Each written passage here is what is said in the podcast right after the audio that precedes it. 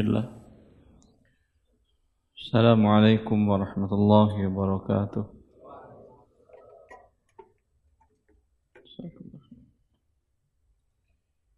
Alhamdulillah Rabbil Alamin. Wabihi nasta'in. Asyadu an la ilaha illallah wahdahu la sharika lah. Ilahul awwalin wal akhirin وأشهد أن محمدا عبده ورسوله المبعوث إلى الناس أجمعين. اللهم صل وسلم وبارك وأنعم. على هذا النبي الكريم نبينا محمد وآله وصحبه أجمعين وبعد.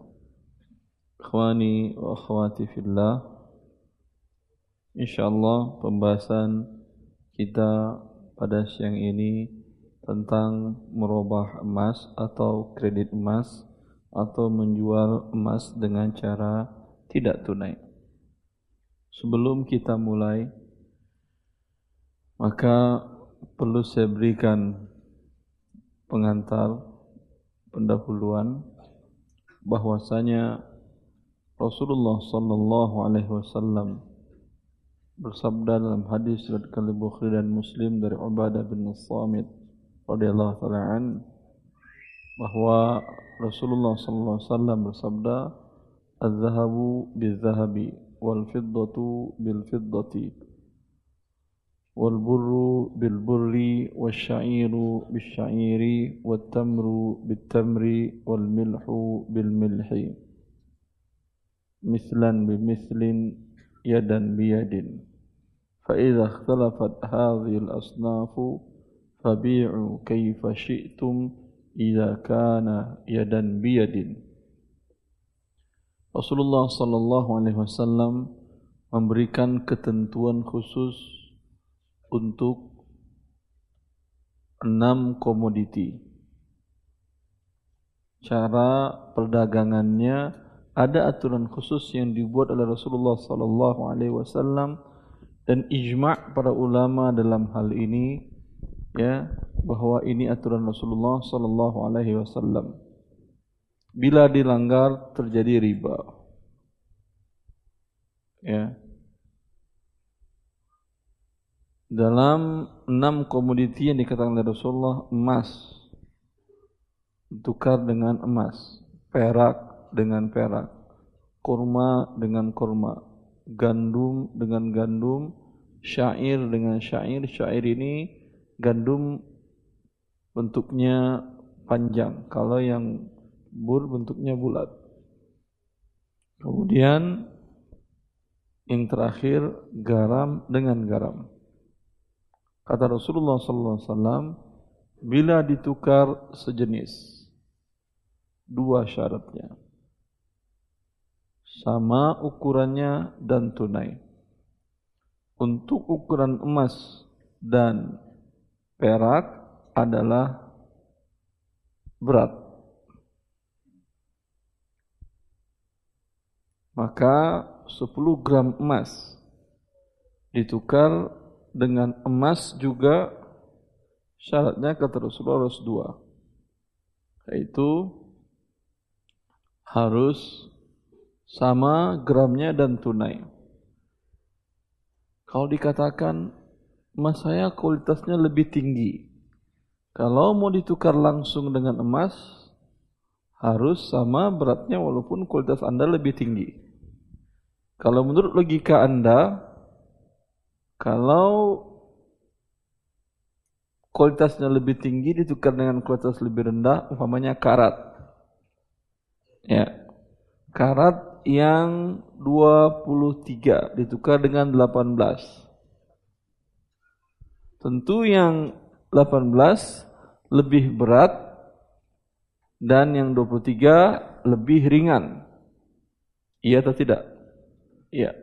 Tapi Rasulullah SAW mengatakan tidak. Harus sama ukurannya, harus sama beratnya. Ini syarat yang pertama.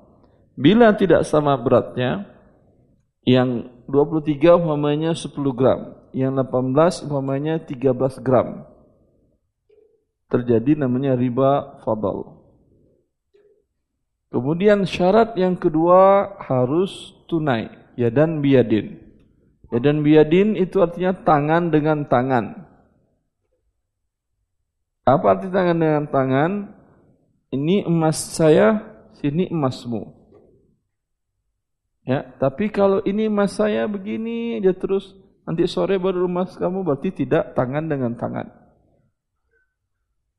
Dalam riwayat yang lain ha'an bihain Ha'an biha itu ha ha. Ini lafaz menunjukkan kata yang menunjukkan lafaz ucapan. Sampai di sini jelas menukar beras dikiaskan dengan gandum adalah beras. Karena gandum kurma adalah makanan pokok. Beras di Indonesia adalah makanan pokok. Anda punya beras kualitas tinggi. Rojo lele. Ada orang yang ingin nukar yang dia berasnya kualitas rendah. Beras apa umpamanya?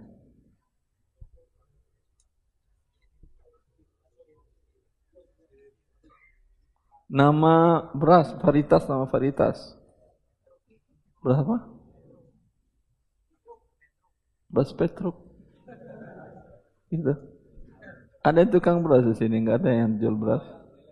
Iya tadi jual lele mau ditukar dengan yang kelas rendah. Apa namanya? R4, R64, IR64. Hah? Mau ditukar dengan IR64. IR64-nya 100 kilo. Rojo lelenya tentu kalau menurut value atau nilai tukar, dia mengatakan nilai tukarnya nggak mungkin satu banding satu. Ya, dia minta umpamanya 70 kilo yang rojo lele. Paham? Lalu mereka lakukan penukaran ini terjadi namanya riba fadl. Harusnya sama-sama tunai. Sama-sama ukurannya. 100 kilo IR64, 100 kilo juga rojo lele. Jelas? Syarat yang kedua harus tunai. Ini rojo lele 100 kilo, sini IR64 100 kilo. Paham ini? Harus tunai. Bila berbeda ilat kelompok Dua komoditi yang disebutkan Rasulullah pertama emas dan perak. Ya. Itu ilatnya adalah sebagai alat tukar. Yang empat adalah makanan pokok.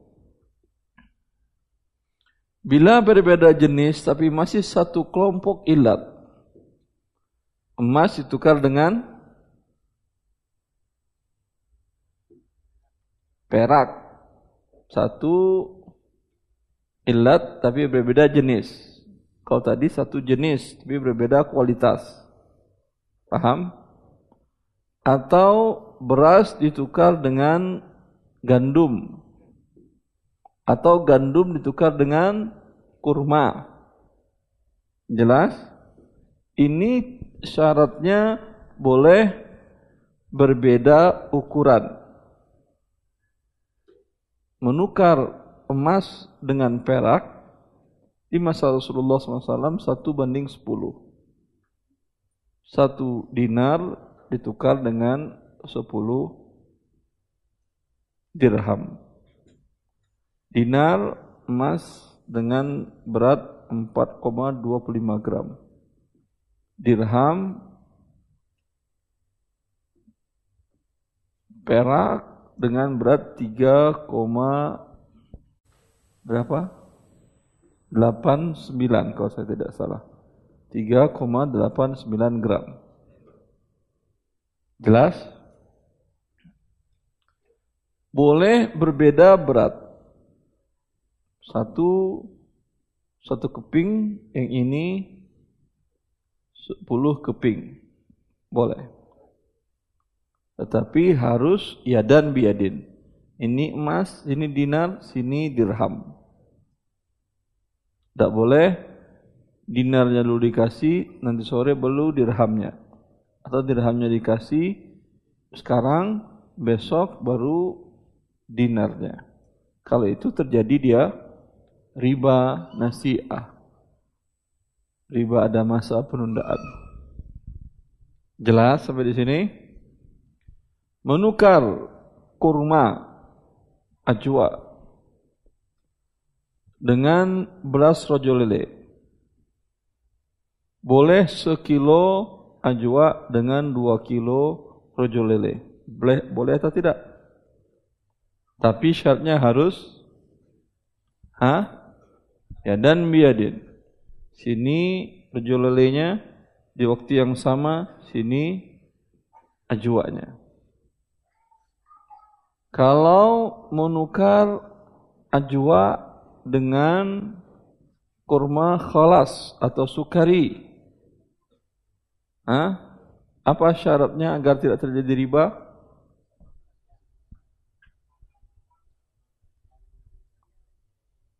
Sama beratnya dan ya dan biadin. Harus sukarinya sekilo dan harus juga ajwanya sekilo. Dengan ya dan biadin. Ini ini. Jelas. Kurma dengan gandum. Apa syaratnya? Kurma ajwa dengan beras rojo lele. Apa syaratnya? Boleh berbeda berat tapi harus ya dan biadin. Sampai di sini faham? Berbeda ilat maka boleh dua-duanya. Boleh sekilo emas 10 ton atau 30 ton rojo lele. Boleh? Boleh. Boleh rojo lele di awal emas sebulan lagi. Boleh?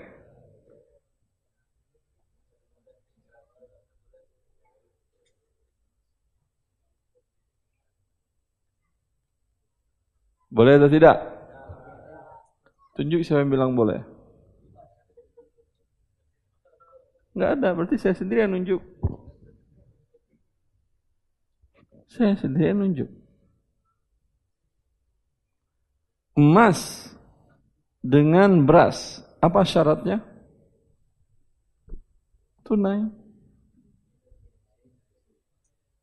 Tidak ada syarat, dua syarat tidak ada.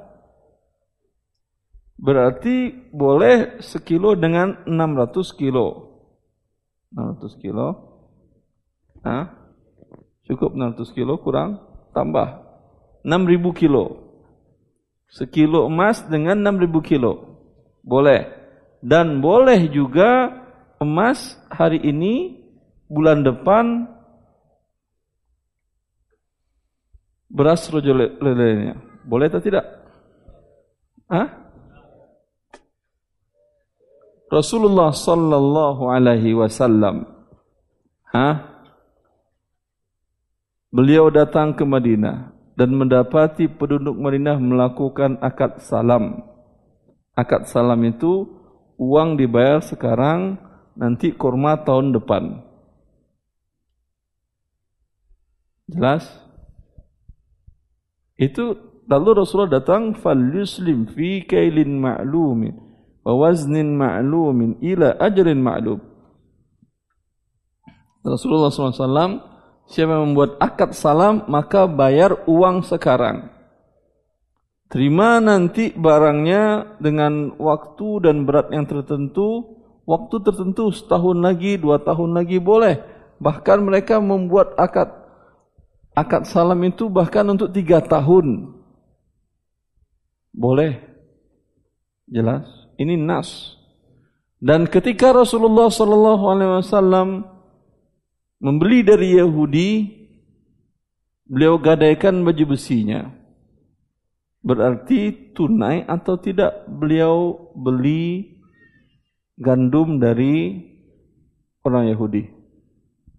Tunai atau tidak? Tunai dari mana? Kalau tunai ngapain harus digadaikan? Terlalu bodoh kalau tunai Beli tunai, lalu dia minta barang gadaian, Anda kasih juga.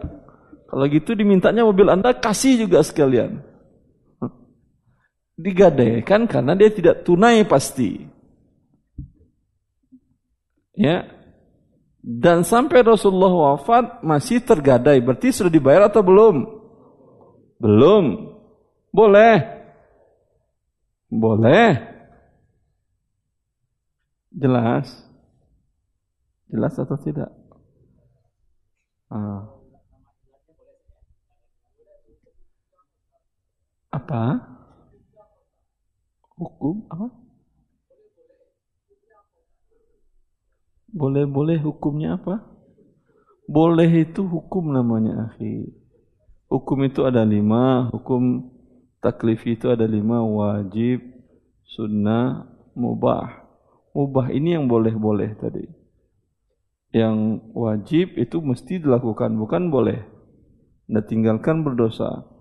Kalau yang sunnah atau yang mandub dilakukan berpahala, ditinggalkan tidak berdosa. Kalau yang mubah, yang boleh dilakukan boleh, tidak. Kalau yang makruh Anda lakukan, ya tidak dapat pahala. Anda tinggalkan berpahala. Kalau yang haram Anda lakukan berdosa, kalau ditinggalkan berpahala. Selesai? Dalilnya apa? Apa tadi dalilnya apa? Yang berbeda ilatnya kan tadi Rasulullah SAW mengatakan dan beliau melakukan gandum ilatnya tadi apa? Makanan pokok. Pembelinya dengan uang dirham. Ya. Ini komoditi yang alat tukar. Dan beliau tukarkan dengan Yahudi dengan cara tidak tunai. Beliau datang ke Madinah, orang-orang sudah membuat akad salam. Yang namanya akad salam, uang dibayar sekarang, barang terima setahun, dua tahun, tiga tahun ke depan. Bagi pembeli yang uang wajib dibayar sekarang. Tidak boleh berpisah dari majlis, melainkan uang dibayar. Keuntungan bagi pembeli, harga pasti murah. Ya, Dia beli korma tiga tahun lagi. Serah terimanya. Uang bayar sekarang. Ya, ini tunai atau tidak? Tidak. Boleh? Ya boleh. Ijma' para ulama ini tidak ada khilaf. Jelas? Ini ijma' juga dalil. Paham sampai di sini? Kalau paham baru kita baca murabahah emas ini. Bismillah. Murabahah emas. Murabahah emas adalah salah satu bentuk jual beli emas dengan cara tidak tunai yaitu seorang nasabah datang ke salah satu bank syariah mengungkapkan maksudnya untuk membeli emas batangan dengan berat sekian seraya membayar uang muka. Lalu bank membeli emas yang dimaksud dan dijadikan barang gadai yang dipegang oleh bank hingga angsuran lunas barulah emas diserahkan kepada nasabah Jelasin deskripsinya. Ah? Ya. Ah. Sekarang hukum tentang kasus ini. Terus. Dari deskripsi ini sangat jelas bahwa akad murabahah emas antara nasabah dan bank syariah tidak tunai. Akad jual beli dan uang muka terjadi di depan namun barang diserahkan setelah beberapa bulan ketika angsuran lunas dibayar. Apakah akad ini termasuk riba baik atau tidak? Jelas ini. Pertama ketika datang kan bayar DP. Ya. ya. Emasnya kapan? Berapa Nanti diterima kalau lalu lunas. Kalau lunasnya setahun berarti setahun. DP dulu bayar sekarang. Jelas ini. Bolehkah menjual emas pakai DP? Hah? Boleh? Boleh sebesar yang dibayar DP-nya. Kalau dia ingin beli sekilo, ah, 600 juta anggap. Dia cuma bawa 6 juta, berarti cuma dapat 10 gram kan ya? Hah? Cuma dapat 10 gram. Kata dia saya mau beli sekilo pak, saya bayar DP-nya dulu 6 juta. Ya udah, ini berarti 10 gram ambil buatmu. Enggak, saya mau sekilo. Oh enggak sah kalau sekilo. Tapi kalau 10 gram sah. Jelas ini? Maka kalau dia bayar 10 gram sebesar itu yang sah yang tunai. Diterima sekarang juga. Kalau dengan DP tidak ada seorang ulama di dunia yang membolehkannya. Terus. Dewan Syariah Nasional mengeluarkan fatwa yang membolehkan jual beli emas serta tidak tunai nomor 77 garing DSN strip M3 Remawi garis miring 5 Remawi garis miring 2010 yang berbunyi M3 mana M3 itu? MUI atau M3? M MUI. Ah. MUI garis miring 5 Armawi garis miring 2010. Ya. Yang berbunyi jual beli emas secara tidak tunai baik melalui jual beli biasa atau jual beli murabah hukumnya boleh atau mubah selama emas tidak menjadi alat tukar yang resmi atau uang. Tadi saya bilang tidak ada ulama yang bolehkan.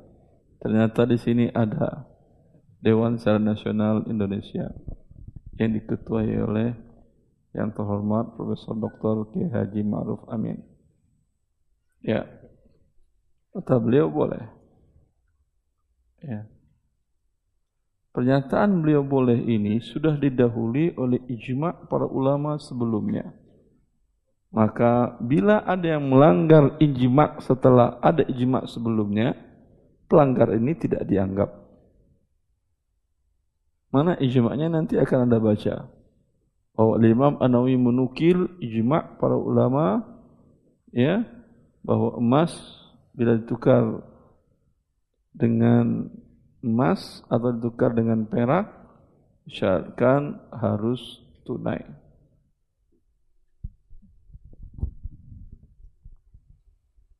Ya. Fatwa ini merujuk kepada pendapat Ibnu Taimiyah dan Ibnu Qayyim yang membolehkan menukar emas perhiasan dengan dinar atau uang emas dengan cara tidak sama beratnya dan tidak tunai karena emas adalah perhiasan dan bukan mata uang.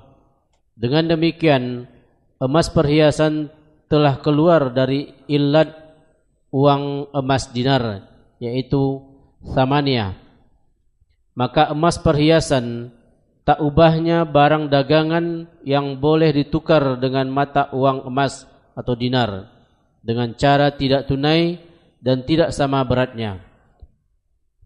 Ya, fatwa DSN ini merujuk pendapat Ibnu Qayyim yang sebelumnya dimulai oleh gurunya Syekhul Islam Ibn Taimiyah.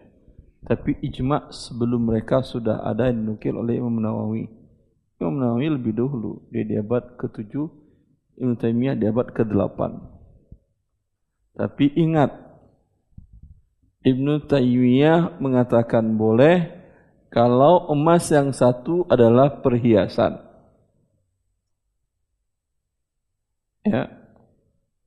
Apakah yang diperjualkan di bank syariah itu emas perhiasan atau emas lantakan? Lantakan itu apa artinya? Batangan. Hah? Atau emas batangan? Tangan. Tadi kata Ibnu Qayyim boleh karena dengan perhiasan keluar dia menjadi barang. Ya. Kemudian ini dipakaikan dikatakan boleh tapi yang dijualkannya adalah emas batangan. Perhiasan batangan itu? Bukan. Berarti yang dimaksud dari emas batangan nilai pembuatannya kah atau nilai intrinsik pada barangnya? Emasnya. Ha? Nilai emasnya kah atau nilai pembuatan? Nilai emas.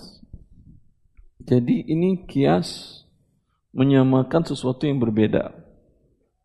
Dalam ilmu kias dan ilmu usul fikih, kias seperti ini dinamakan dengan kias ma'al fariq. Kias yang berbeda ilatnya, tidak sama. Oleh karena itu, batal kalau dalam ilmu usul fikih. Ya, dan alhamdulillah saya dimudahkan oleh Allah untuk mendapatkan gelar doktor di bidang usul fikih dari Universitas Islam Muhammad bin Saud di Riyadh. Terus. Ibnu Taimiyah berkata, emas dan perak dalam bentuk perhiasan yang ada unsur buatan manusia tidak disyariatkan menjualnya tidak dengan yang tidak disyaratkan menjualnya dengan syarat dengan sejenis dengan dirham yang atau sejenis. emas dan perak dalam bentuk perhiasan yang ada unsur buatan manusia tidak disyaratkan menjualnya dengan yang sejenis atau dinar dan dirham sama beratnya ya karena sebentar perhiasan perak dengan dirham perak. Sama-sama perak atau tidak? Tapi satu perhiasan yang satu berbentuk bulat berbentuk mata uang. Kalung emas ditukar dengan emas koin. Sama-sama emas atau tidak? Sama-sama emas. Ini yang kata mereka tidak disyaratkan harus sama beratnya. Kenapa tidak harus sama beratnya? Hah? Biaya upah pembuatannya. Satu emasnya bulat biasa aja. Ini pembuatannya kan gampang dibandingkan yang diukir. Masya Allah. Hah? Itu kan susah atau tidak? Siapa yang pembuat emas? Yang itu tadi. Ada di sini? Untuk satu kalung tadi kan kecil-kecil rantainya itu kan ya. Buat disambung di kecil-kecil. Untuk kalung satu meter itu berapa hari? Berapa? Satu meter kok di leher tiga kali putar. Susah banget sih. Butuh berapa hari? Hah? Memang beratnya sama, sama-sama ini 100 gram, ini juga 100 gram yang dinar. Tapi ini buatnya umpamanya 10 hari. Dengan rata-rata kerja 6 jam. Yang ini mungkin satu menit taruh di mesin satu cetak tek jadi. Iya atau tidak? Maka Ibnu Taimiyah memasukkan di sana boleh tidak sama beratnya karena ada unsur jasa manusia di sana yang jauh lebih tinggi harganya. Jelas itu alasannya. Ya. Terus.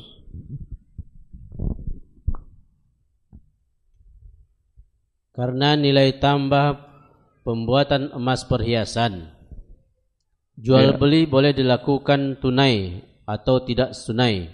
Tunai ataupun tidak tunai. Karena bila boleh bertambah, berarti boleh. Riba itu artinya akan bertambah. Kalau riba fadol boleh, riba nasiah juga jadi boleh. Karena terkadang riba nasiah boleh, fadol masih tidak boleh. Artinya fadol itu paling berat. Ketika dia boleh, yang tunai tidak tunai pun jadi boleh.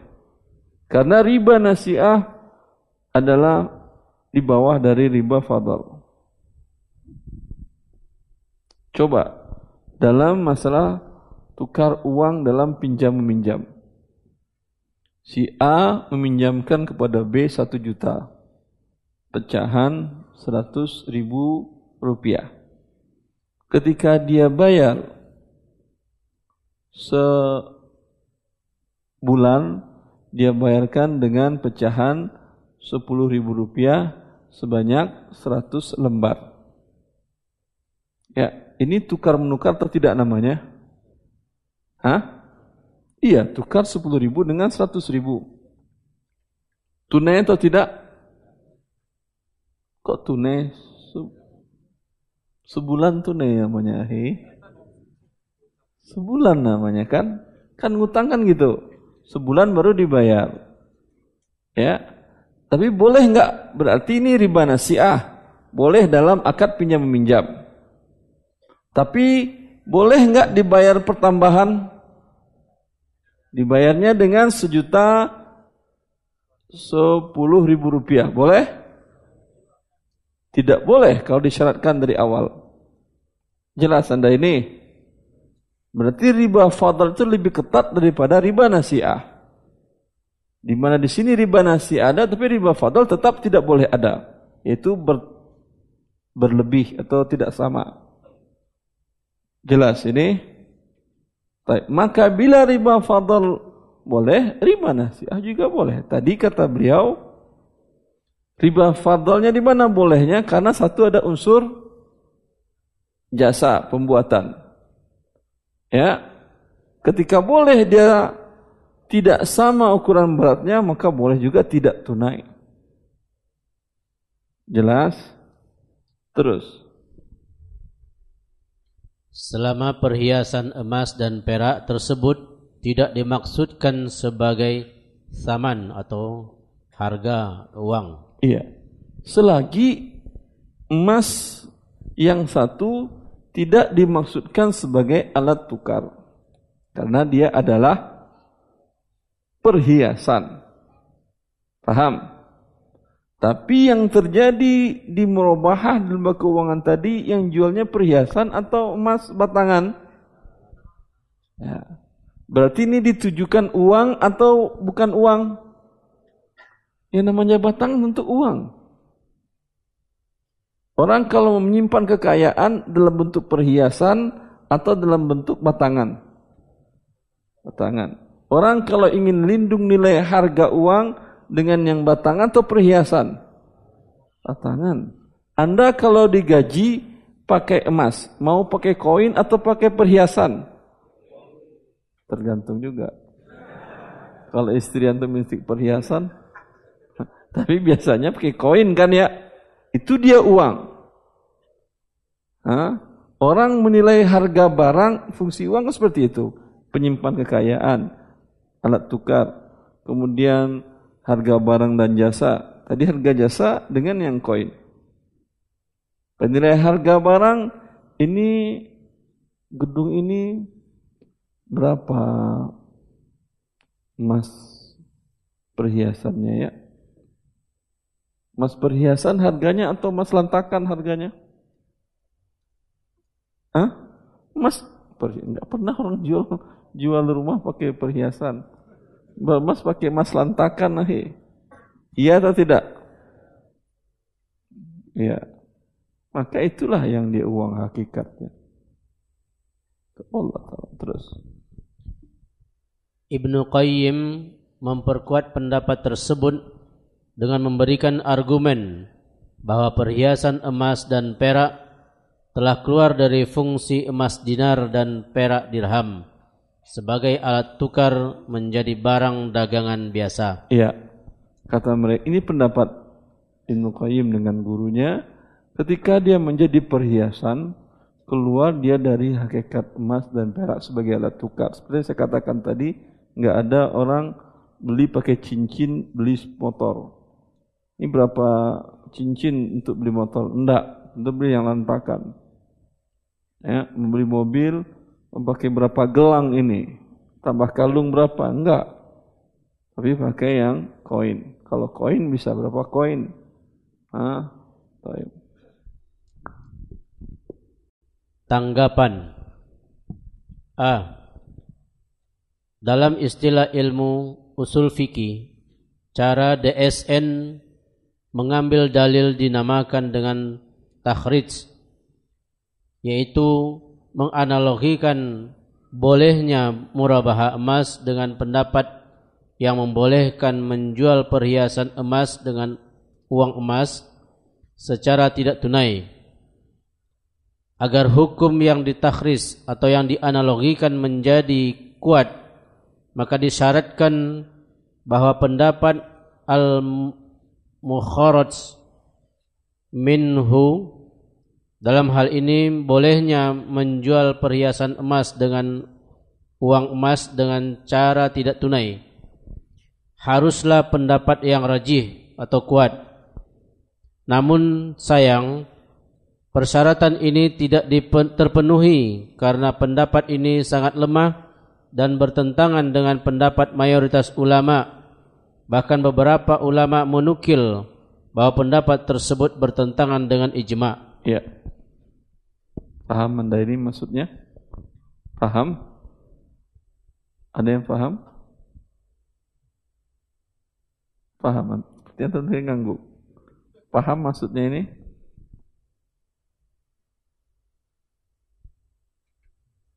Coba sekali lagi baca. Pelan-pelan bacanya, pelan-pelan bacanya. Ini bahasa Indonesia semua ini. Ada.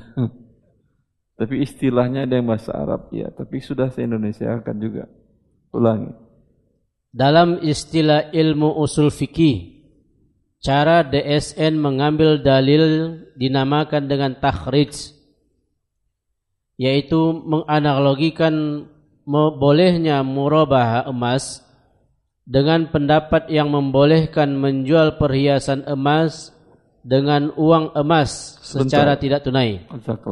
Apa bedanya takhrij dengan kias? Pernah dengar kata takhrij? Tidak pernah juga. Kias? Pernah. Ah, takhrij enggak pernah ya. Beda kalau takhrid dalam ilmu hadis, beda maksudnya takhrid dalam ilmu usul fiqh. Kalau takhrij dalam ilmu hadis maksudnya mengeluarkan hadis ini dari siapa, dari siapa, dari siapanya. Dan serta menjelaskan hukum sanad masing-masingnya dan menjelaskan hukum hadisnya. Kalau takhrij dalam ilmu usul fiqh ada satu hukum fikih Hukum fikih yang kasus yang lain yang mirip dengan ini dianalogikan dengan ini. Kasus dengan kasus. Tapi hukum fikih pertama tadi ya bukan berdalil dari nas. Kalau dia berdalil dari nas apa namanya? Kias. Paham Anda? Pahamnya Allah mengharamkan khamar Ya, khamar itu apa? Minum bukan sesuatu yang memabukkan. Minuman yang dibuat dari perasan anggur dan difermentasikan sehingga diminum jadi mabuk. Fermentasikan lebih dari tiga hari. Anggur diperas, maaf. Saya tunjukkan kepada anda cara buat khamar berdosa saya. Masalahnya anggur di Indonesia sekarang luar biasa banyaknya. Padahal pohonnya tidak ada. Ya, itu dia yang khamar. Ayat ketika menurunkan ya ayyuhalladzina amanu innamal khamru maksudnya itu. Dan ada nasnya mengharamkan ini. Jelas? Yang lain yang sama ilat dan maknanya, tapi bukan dari anggur. Seperti nabi itu terbuat dari kurma. ya atau di Indonesia kan ada yang terbuat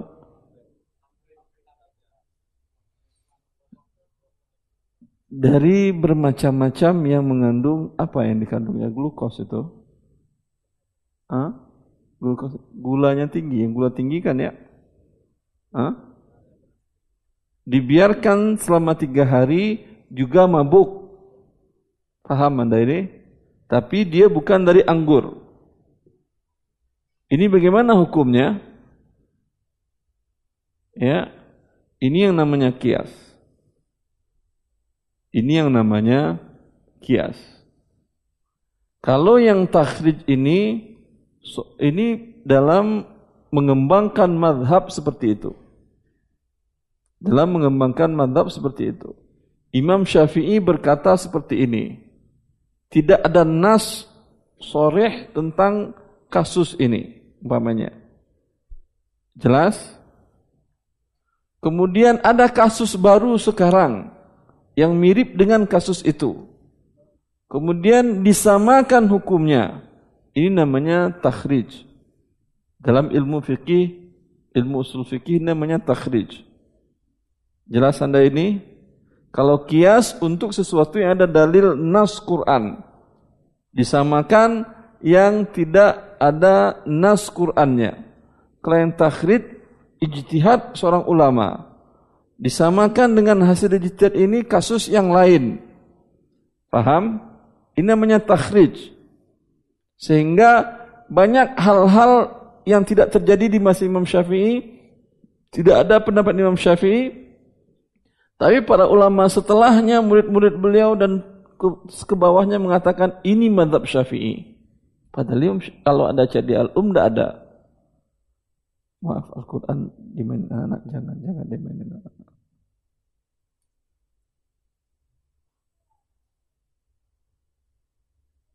Apa nanti yang punya anak ini mainin mushaf tak boleh.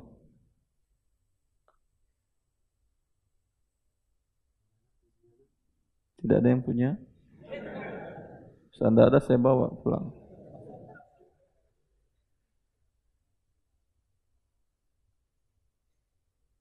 Ya. Baik. Ya. Ini namanya alhamdulillah ada. Ini namanya takhrij. Paham sekarang? Dia karena itulah madhab itu membesar, membesar karena banyak murid-muridnya yang mengkiaskan dengan perkataan para imam-imam tersebut. Padahal kalau anda cek di, di kitab yang ditulis Imam Syafi'i, hampir 70% yang ada di buku-buku madhab Syafi'i itu tidak pernah Imam Syafi'i mengucapkan langsung dengan lisannya atau dalam tulisannya. Tapi para ulama-ulama madhabnya menyamakan dengan ijtihadnya. Jelas? Ini namanya takhrij. Ya. Syarat takhrij boleh itu bila hukum asal. Sekarang dia kan ingin menyamakan merubah emas, kredit emas dengan perkataan Imam Ibn Qayyim, pendapat Ibn Qayyim dan Ibn Taimiyah. Kalau kias jelas kepada Quran dan hadis nas. Sehingga dia boleh. Paham? Kalau kepada perkataan para ulama tadi, apakah perkataan ulama dalil? Ijtihad, apakah perkataan Taimiyah dalil? Hah? Tidak. Lalu kenapa dia kiaskan? Kalau ijma' para ulama atau pendapat yang rojih, itu bisa dikiaskan karena ijma' adalah dalil. Sekarang dalam masalah ini khilaf para ulama. Bahkan ijma' yang terjadi menyalahi perkataan sebelum Ibn Taimiyah sudah ijma' para ulama. Nanti kita lihat dinukil oleh banyak para ulama bahwa sudah terjadi ijma' sebelum kedua para ulama terhormat ini menyisihi ijma' mengatakan boleh dalam kasus tersebut. Berarti ini lemah di bawah lemah. Pendapat Ibn Taymiyahnya lemah, sekarang dikiaskan lagi kepada yang lemah yang lemah. Apa hasilnya? Lemah pangkat dua apa tiga apa empat? Tambahkan aja oleh anda. Tapi lemah atas lemah. Terus agar hukum yang ditakhris atau yang dianalogikan menjadi kuat maka disyaratkan bahwa pendapat al-mukharaj al-mukharaj minhu dalam hal ini bolehnya menjual perhiasan emas dengan uang emas dengan cara tidak tunai haruslah pendapat yang rajih atau kuat. Namun sayang, persyaratan ini tidak terpenuhi karena pendapat ini sangat lemah dan bertentangan dengan pendapat mayoritas ulama. Bahkan beberapa ulama menukil bahwa pendapat tersebut bertentangan dengan ijma'. Terus Ibnu Hurairah wafat tahun 560 Hijriah. Ustaz Ibnu Hubairah. Ibnu Hubairah. Ya. Wafat tahun 560 Hijriah berkata. Ya, ini Ibnu Hubairah ulama besar dalam mazhab Hambali. Dua abad sebelum Syekhul Islam dan Taimiyah dan Ibnu Qayyim. Beliau sudah mengukil ijma' para ulama dalam hal ini. Apa kata beliau? Umat Islam telah sepakat bahwa tidak boleh menukar emas dengan emas atau perak dengan perak baik yang masih berbentuk bahan baku berbentuk mata uang ataupun berbentuk perhiasan dengan cara tidak tunai dan tidak sama beratnya. Ini merupakan riba nasiah dan riba fadol. Ya kata beliau dua abad sebelum Ibn Taymiyah berpendapat yang keluar dari pendapat para ulama, para ulama emas baik masih dalam bentuk bahan baku. bahan mentah. Belum diolah jadi koin jadi mata uang jadi lantakan atau jadi perhiasan. Ataupun yang sudah berubah menjadi koin. Ya jadi dinar mata uang. Ataupun yang sudah berubah menjadi bentuk perhiasan Sepakat para ulama harus sama beratnya dan harus ya dan biyadin. Paham di sini? Terus. Dan umat Islam juga sepakat bahwa boleh menukar emas dengan perak dengan ukuran yang berbeda akan tetapi haram dilakukan dengan cara tidak tunai. Ya. Dengan cara tidak tunai haram dilakukan ijma ini antara emas dengan perak. Mata uang rupiah bagian dari ini. Emas, perak, rupiah. Bagian dari mata uang. Maka menukarnya rupiah dengan emas, ijma para ulama harus tunai. tunai. Tidak boleh kredit. Terus. Ibnu Juzai wafat tahun 741 Hijriah. Berkata ini juga ulama mazhab Hambali. Kenapa saya banyak nukil mazhab Hambali? Karena Syekh Islam Taimiyah bermazhab Hambali dalam sisi fikih. Terus. Para ulama sepakat bahwa haram hukumnya menukar emas dengan perak atau emas dengan emas atau perak dengan perak baik berbentuk bahan baku ataupun telah diubah menjadi perhiasan dengan cara tidak tunai. Akan tetapi serah terima kedua barang tersebut wajib dilakukan tunai. Ya. Oleh karena pendapat ini terlalu lemah sehingga pendapat yang mana maksudnya ini? Pendapat Ibn Taimiyah dan muridnya Syekh Ibnu Qayyim. Pendapat ini terlalu lemah sehingga sehingga Majma' al-Fiqih al-Islami divisi Fiqih Oki tidak menganggap pendapat ini dalam muktamar di Abu Dhabi tahun 1995 dengan keputusan yang berbunyi menekankan kembali pendapat seluruh para ahli fikih yang melarang menukar emas perhiasan dengan yang tidak perhiasan dengan ukuran yang tidak sama. Ya. Seluruh para ulama sekarang sudah ijma bahwa tidak boleh. Dan itu pendapat memang pernah ada dalam sejarah Islam, tapi pendapatnya lemah. Terus. B. Setelah mengetahui bahwa pendapat ini syadz, tidak populer, dikarenakan jelas-jelas bertentangan dengan hadis yang mewajibkan menukar emas dengan emas dengan cara tunai. Juga hadis tersebut mutlak melarang menukar emas dengan emas dengan cara tidak tunai. Baik emas perhiasan ataupun emas sebagai mata uang. Dan tidak ada satupun dalil yang mentakyid, mengikat kemutlakan emas tersebut. Maka mengkhususkan larangan hanya untuk emas sebagai mata uang tersebut mentakhis dengan tanpa dalil. Ya, termasuk mentakid tanpa dalil. Jelas. Tadi Ibnu, Ibnu Taimiyah mengeluarkan karena di sana ada unsur pembuatan. Dalam hadisnya kan mutlak emas dengan emas. Iya atau tidak? Tidak Rasulullah jelaskan emas perhiasan dengan emas tidak perhiasan. Berarti di sini tidak ada dalil. Wallah taala Terus.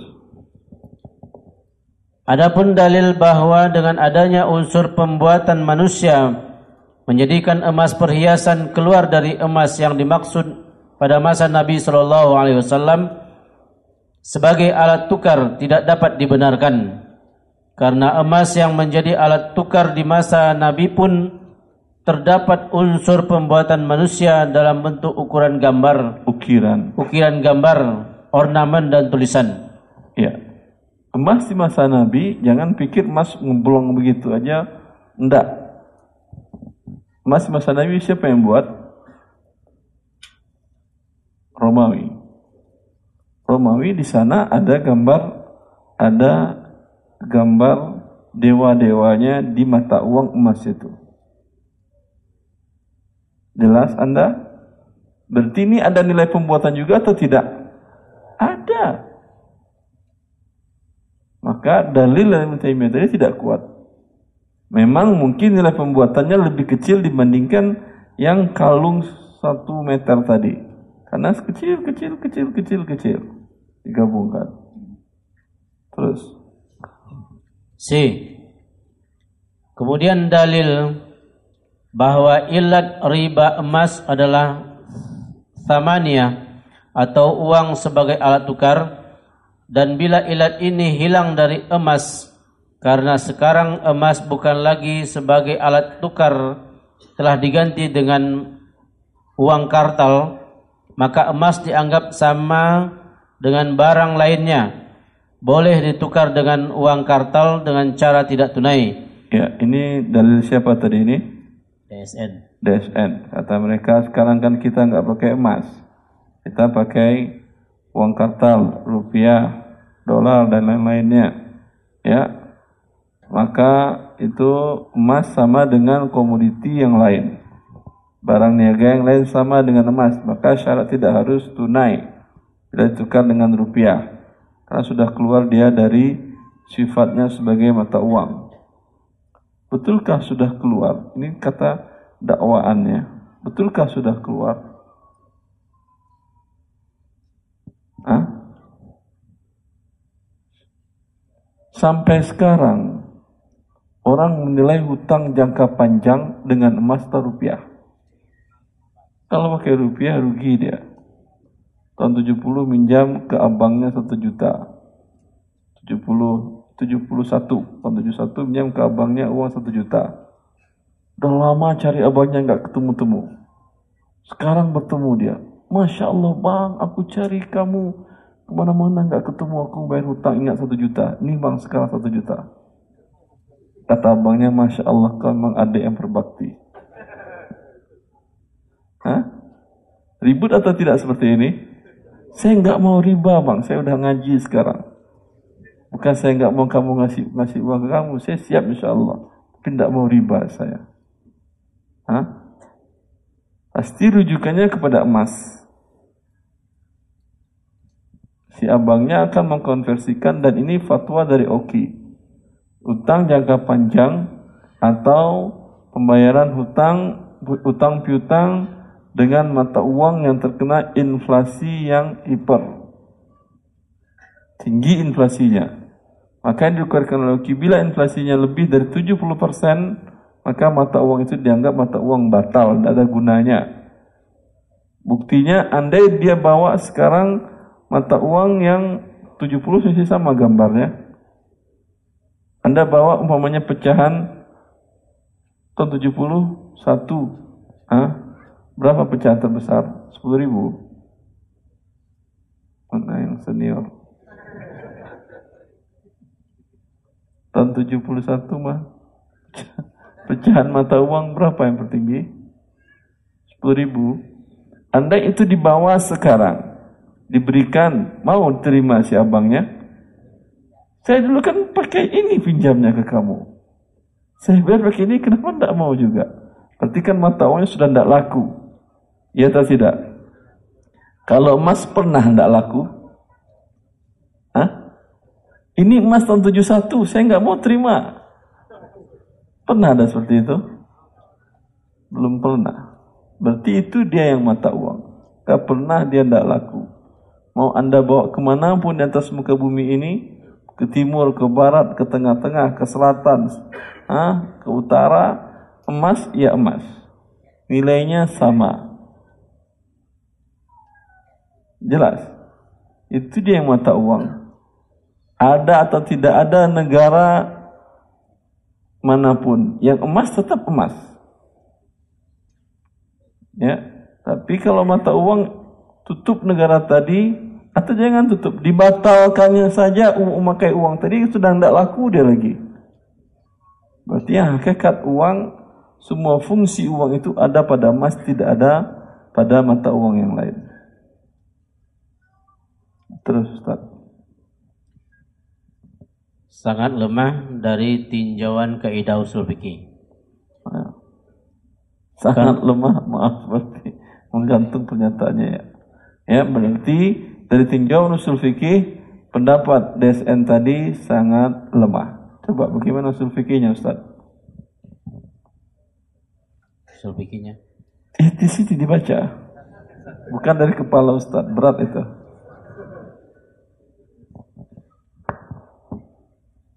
Karena persyaratan keabsahan sebuah ilat mustanbatah bahwa ilat tersebut tidak boleh menafikan ilat asalnya. Maka ilat samaniyah yang sifatnya ijtihad para ulama tidak boleh menafikan ilat emas yang dijelaskan Nabi secara tekstual. Faham ini maksudnya? Paham? Dalam ilmu usul fikih dalam bab kias syarat boleh mengkiaskan ya. Kalau tadi kan taklid bukan kias. Kalau syarat mengkias mengkiaskan. Ini ada suatu hukum yang ditetapkan dengan nas Quran atau hadis. Kemudian satu yang lain dikiaskan kemari. Paham? Syaratnya adalah tidak boleh yang cabang membatalkan yang asal. Ilat cabang tidak boleh membatalkan ilat yang asal. Rupiah, kenapa dia termasuk komoditi riba? Apa dalilnya? Apa dalilnya? Dikiaskan dengan emas dan perak. Paham? Paham atau tidak? Paham. Emas dan perak. Apa ilatnya masuk komoditi riba? Kenapa dia masuk, apa ilatnya masuk komoditi riba? Sabda Nabi sallallahu alaihi wasallam, "Adz-dzahab bil-dzahab wal fiddah bil-fiddah." Ya atau tidak? Paham? Maka dalam ilmu usul fikih dijelaskan oleh Zarkashi ya, dalam Al-Muhid fi usul fiqh bahwasanya ilat yang cabang ini nggak boleh membatalkan ilat yang asal. Ilat yang asalnya tetap pakai nas Quran. Masa yang ini yang dikiaskan dengan ini sekarang membatalkan yang ini? Paham maksudnya? Tadi rupiah disamakan dengan emas dan perak. Kemudian rupiah membatalkan fungsi emas dan perak. Dikatakan bahwa sekarang emas dan perak bukan lagi balat tukar maka batal hukumnya ente batalkan Nabi menetapkan Nabi kan menetapkan iya atau tidak ini cara ilmu usul fikihnya tidak masuk saya nggak tahu siapa yang buat fatwa ini mungkin tidak lulus kalau harus ngambil S3 usul fikih. Ya. Sama logika. Bisakah kantor cabang menutup kantor pusat? Kan gitu katanya kan ya. Kan rupiah cabang dari emas. Sekarang rupiah membatalkan hukum emas. Kan artinya itu. Ini yang asal kantor pusat buka cabang. Lalu cabang ini membatalkan status kantor pusat. Terpusat tutup kata pihak cabang. Bisa? Bisa berarti kalau kudeta bisa berarti bisa. Tapi ilegal gitu maksudnya. Maling gitu. Ngerampok. Ya. Seperti itu logikanya. Dari tinggal sisi ilmu ilmiah pun tidak masuk dalam kaidah.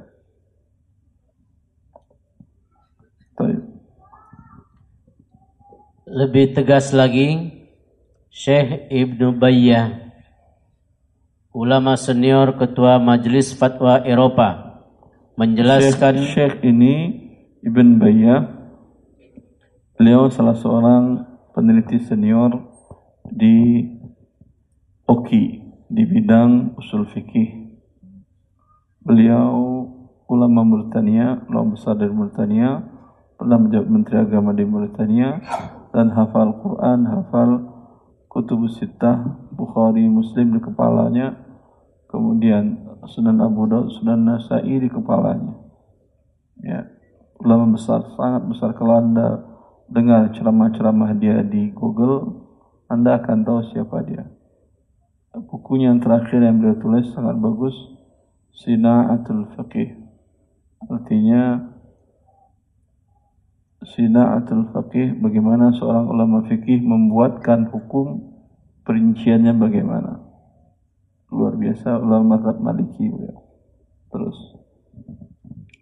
apa kata beliau menjelaskan dalam bukunya Muqasid al-Mu'amalat ilat mustanbatah atau ilat yang berasal dari ijtihad para ulama. Ya, itu tadi dia yang ilat untuk rupiah. Kan itu ijtihad para ulama.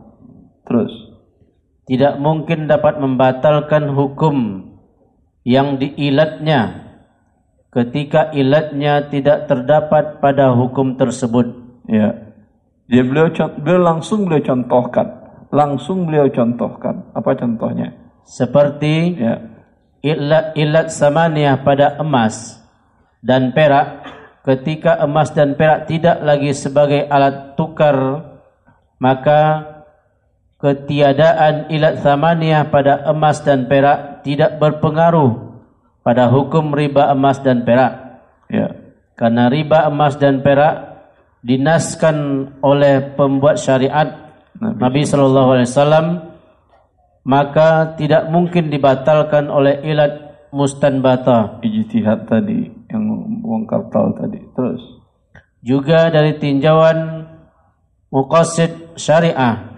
Yang lain maksud larangan menukar emas dan perak secara tidak tunai merupakan maksud utama yang sangat jelas. Maka tidak mungkin dinafikan oleh maksud pengikut yaitu samania yang derajatnya zonni. Ya. D Andai pendapat Ibn Taymiyah kita anggap sebagai pendapat yang kuat tetap juga tidak dapat dibenarkan menarik hukum boleh menukar uang kartal dengan emas seperti yang dipraktikkan oleh bank syariah. Karena Ibnu Taimiyah tidak membolehkan secara mutlak beliau mengikatnya selama emas tidak dimaksud sebagai samania atau alat tukar harga.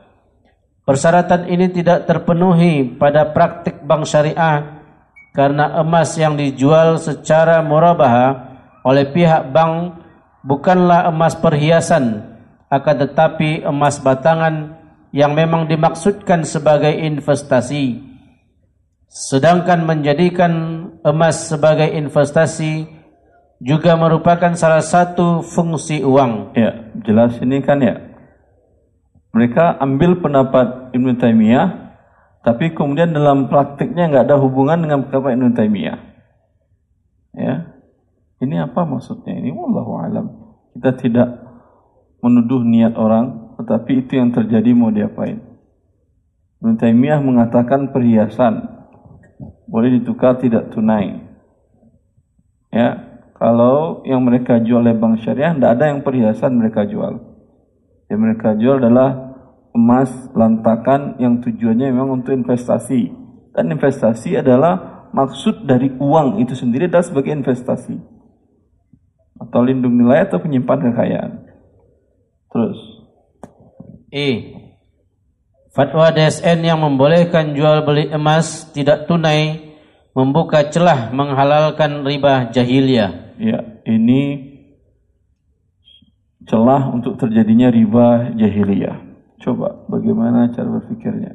Misalnya, seorang rentenir dengan sangat mudah mengakali riba dengan cara sebentar berarti saya ngajarin rentenir ya. Jangan membuat riba.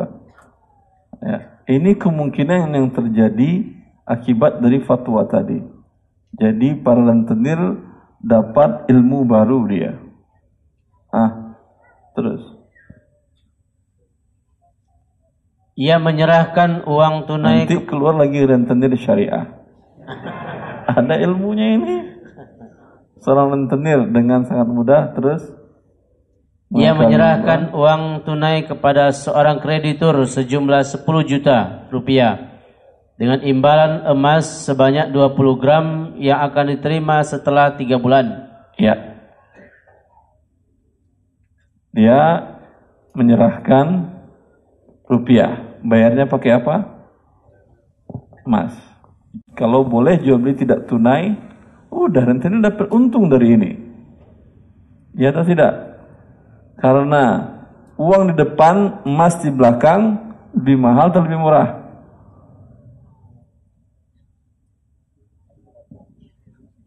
Kalau emas sama-sama per hari ini, per hari ini umpamanya per gram 600. Tapi dibayar uang sekarang. Emasnya nanti se 6, 6 bulan lagi. Apakah 1 gram dapat 600 atau 1 gram setengah? Hah? 1 gram setengah. Ya atau tidak? Berarti dari sini saja dah untung dia. Paham? Terjadi riba nasiah. Jadi riba fadal. Ini ilmu, ilmu baru bagi rentenir. Maka rentenir pun harus ngaji juga. Hmm, biar di-upgrade ilmunya juga. Ha, terus. Padahal harga emas saat akad dibuat hanyalah 560 ribu rupiah per gram. Maka 10 juta rupiah seharusnya sebanyak 17,8 gram emas. Ya. Pada saat penyerahan emas, maka rentenir menerima 20 gram emas yang harganya pada saat ia menyerahkan uang tunai 10 juta sama dengan 11 juta 200 ribu rupiah. Dengan cara jual beli emas tidak tunai, rentenir sudah mendapat penambahan nilai utang sebanyak satu juta dua ratus ribu rupiah. Belum lagi pertambahan nilai utang akibat kenaikan harga emas dan penurunan tukar mata uang akibat inflasi. Paham antum itu kan ya? Hah, terus. Dari deskripsi di atas sangat jelas bahwa konsekuensi dari fatwa membolehkan jual beli emas tidak tunai merupakan jalan untuk terbukanya secara luas praktik riba jahiliyah dalam bentuk pertambahan nilai utang wallahu alam. Allah wallahu semoga kita minta tolongannya kepada Allah. Karena ini seperti yang saya katakan tadi nanti jangan heran anda muncul rentenir syariah. Karena akadnya ada. Ya di akal-akali tadi bisa Terus. F. Fatwa DSN yang membolehkan jual beli emas secara tidak tunai bertentangan dengan panduan perbankan syariah internasional yang dibuat oleh AAOIVI yang biasanya mereka bilang AAOIVI. Ah. Yang menyatakan dalam bab Al-Murabaha lil Amir Bishira nomor 2 garis miring 2 garis miring 6 yang berbunyi la yajuzu ijra ijra'u murabahah apa tuh al muajjalah al muajjalah fi zahabi au fiddati. au umlati jual beli murabahah tidak tunai tidak boleh dilakukan pada objek emas, perak dan mata uang. Ya, ini sama nas ini teks ini ditentang oleh DSN tadi yang mengatakan boleh murabahah yang tidak tunai objeknya emas. Paham Anda ini? Kira-kira mana lebih kuat menurut Anda? Fatwa DSN Indonesia atau fatwa dari ulama dunia seluruhnya yang berpusat di Bahrain? Mana lebih kuat? Pasti pusat al Bahrain. Cuman masalahnya kalau untuk perbankan syariah belum ada standar internasional seperti perbankan riba. Kalau perbankan riba untuk produk mereka mereka pakai standar kan ya? Apa nama standarnya? Basel namanya apa? Basel. Hah? Basel namanya. Standar produknya namanya apa? Basel satu gitu-gitu kan ya. Ini yang membuatnya di mana? Kalau Basel di mana yang membuatnya Swiss? Swiss. Kalau ini standar produk untuk bank syariah yang membuatkan di Bahrain, dibuat oleh seluruh dunia. Mereka sampai sekarang tidak membolehkan produk emas merubah tidak tunai. Indonesia ada. Kan aneh. Ya. Apakah karena memang untuk standar perbankan syariah itu belum ada penekanan dari pihak internasional belum ada. Maka setiap negara kecuali negara yang mau berinduk atau bank yang mau berinduk Indonesia belum ada satupun bank Indonesia yang berinduk ke sana produknya. Baru berinduk ke DSN Indonesia tadi. Sehingga fatwa yang muncul berbeda dengan standar internasional. Baik, terus setelah menjelaskan tanggapan terhadap fatwa DSN di atas, maka sangat nyata kelemahan fatwa tersebut dan perlu dikaji ulang. Semoga Allah menuntun ke jalan yang lurus. Amin. Alhamdulillah. Kita mulai pertanyaan dari Ikhwan, silakan. Assalamualaikum Ustaz. Assalamualaikum warahmatullahi wabarakatuh. Uh, pertanyaan di luar kajian hari ini. Iya. Uh, kebetulan istri saya akan resign dari asuransi. Masya Allah, tabarakallah. Saya sudah duluan. Masya Allah, tabarakallah. Terus uh, dia akan mendapatkan uh, uang DPLK pensiun dari perusahaan dan BPJS ketenaga kerjaan. Dan dia punya rencana uang tersebut mau digunakan untuk umroh uh, orang tua atau mungkin kami berdua itu gimana? Apakah boleh Ustaz? Ah, Terus satu lagi saya juga ada KPR, saya mau lepas KPR saya. Uh, rencananya saya mau jual, ada teman yang tertarik. Setelah saya lunasin, ada kelebihan, apakah kelebihannya itu boleh saya gunakan Ustaz? Itu aja, terima kasih. Assalamualaikum warahmatullahi wabarakatuh. wabarakatuh. Ya. Alhamdulillah, wassalatu wassalamu ala rasulillah. Seorang muslim hidup yang ditujunya adalah keriduan Allah. Sesuatu yang dibolehkan oleh Allah dan diridhai oleh Allah itu yang dikejarnya. Bila terlanjur jatuh ke dalam murka Allah, sesuatu yang dilarang oleh Allah, mereka idza massahu ta'ifun minasyaitani tadhakkaru fa idza hum mubsirun. Allah menggambarkan tentang tentang sifat orang-orang beriman tersebut. Mereka bila terkena godaan dan nariwan syaitan ya karena tidak mempelajari syariat Allah sebelumnya terjatuh ke dalam dosa ketika dia sadar dan ingat ini dosa ya mereka langsung melakukan apa yang dicintai oleh Allah seperti yang dilakukan oleh ikhwah kita tadi dengan istrinya meninggalkan sesuatu yang diharamkan oleh Allah. Dan Alhamdulillah sudah lama antum resign ini Uh, saya sih dari bulan Mei, itu setelah 13 bulan tahun Mei asuransi. 2018 Ya, sampai sekarang masih hidup Alhamdulillah alhamdulillah.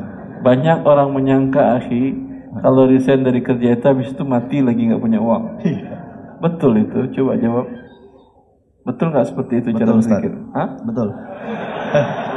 kok betul anda Salah masih hidup Maaf, grogi. coba pegang badannya betul dia itu yang ada betul alhamdulillah kalau betul. Jazakallah khair. Ya. Banyak orang beranggapan seperti itu. Tidak pernah hidup anda satu pun bahkan detak jantung anda pun anda yang mengatur sendiri. Sudah ditentukan oleh Allah rezeki anda. Bahkan hewan yang melata pun dengan ke- tingkat kecerdasan jauh di bawah kecerdasan anda sebagai manusia mereka tidak pernah takut masalah rezekinya. Coba anda lihat di sekitar anda ada semut ada apa hewan ya. Dia tidak takut masalah rezekinya ada atau tidak. Karena Allah sudah menjamin itu semua. Ya. Alhamdulillah mereka menuju ridha Allah. Tapi sekarang pertanyaannya bagaimana dengan ah, sisa dari bekerja tadi ada uang dalam bentuk tabungan DPLK dan lain-lainnya. Bolehkah diambil dan digunakan buat umroh? Ya. Diambil seluruhnya boleh. Tapi penggunaannya untuk apa? Umpamanya diambil oleh istri Anda tadi. Dapat angka umpamanya 200 juta rupiah. Apakah halal ini? Ini kan uang didapat dari hasil bekerja riba. Maka ini adalah uangnya haram. Ya. Apakah boleh dimanfaatkan? Kalau dikeluarkan semua uang tadi, ya, dia tidak punya apa-apa lagi. Ya, berarti dia fakir miskin. Maka boleh dia potong untuk kebutuhan pokoknya. Tapi kan ini kasusnya istri. Ya. Tanpa uang ini Anda bisa memberikan nafkah kepada istri Anda dan bisa bertahan hidup dia dengan nafkah tersebut. Alhamdulillah. Berarti bagi istri ini bukan kebutuhan pokok karena dijamin oleh suaminya. Insya Allah. Hah? Maka 200 juta tadi tidak halal untuk sama sekali apa pun. Jangankan untuk umrah. Untuk dia ambil saya 10 ribu beli bensin pun haram. Lalu ini uang 200 juta mau dikemanakan? Berikan kepada fakir miskin. Nanti jadi kaya fakir miskinnya Ustaz. Dapat dia 200 juta. Hah? Kalau jadi kaya bukan fakir miskin lagi namanya. Ya. Berapa yang boleh Anda kasih ke dia kepada fakir miskin tadi? Anda boleh berikan kepada dia untuk menutupi kebutuhan pokoknya setahun. Sama seperti memberikan zakat. Ya. Anda datangi umpamanya ada tetangga, ada kerabat yang menurut Anda hidupnya susah. Anda tanyakan berapa pendapatan umpamanya dengan suaminya 5 juta sebulan. Pengeluaran anaknya ada 4 di pesantren. 4 di pesantren udah 5 juta lebih itu kan ya. Hah? Belum lagi rumah ngontrak ya buat kehidupan sehari-hari dari mana? Kira-kira kebutuhan pokoknya sebulan itu adalah 10 juta. Dari mana dia dapatkan sisa nutupin, nutup lubang, gali lubang, nutup lubang, lubang, nutup lubang. Terima gaji, bayar, nanti ngutang lagi 10 hari lagi. Terima gaji bayar datang lagi 10 hari lagi. Ya. Ini Anda katakan kepada dia lima kekurangannya. Dikali setahun kebutuhannya tadi, kebutuhan pokoknya. 5 kali 12, 60 juta. Anda katakan, ini ada uang saya salurkan kepada Anda 60 juta. Jelas? Bukan 200 juta untuk dia, cuma 60.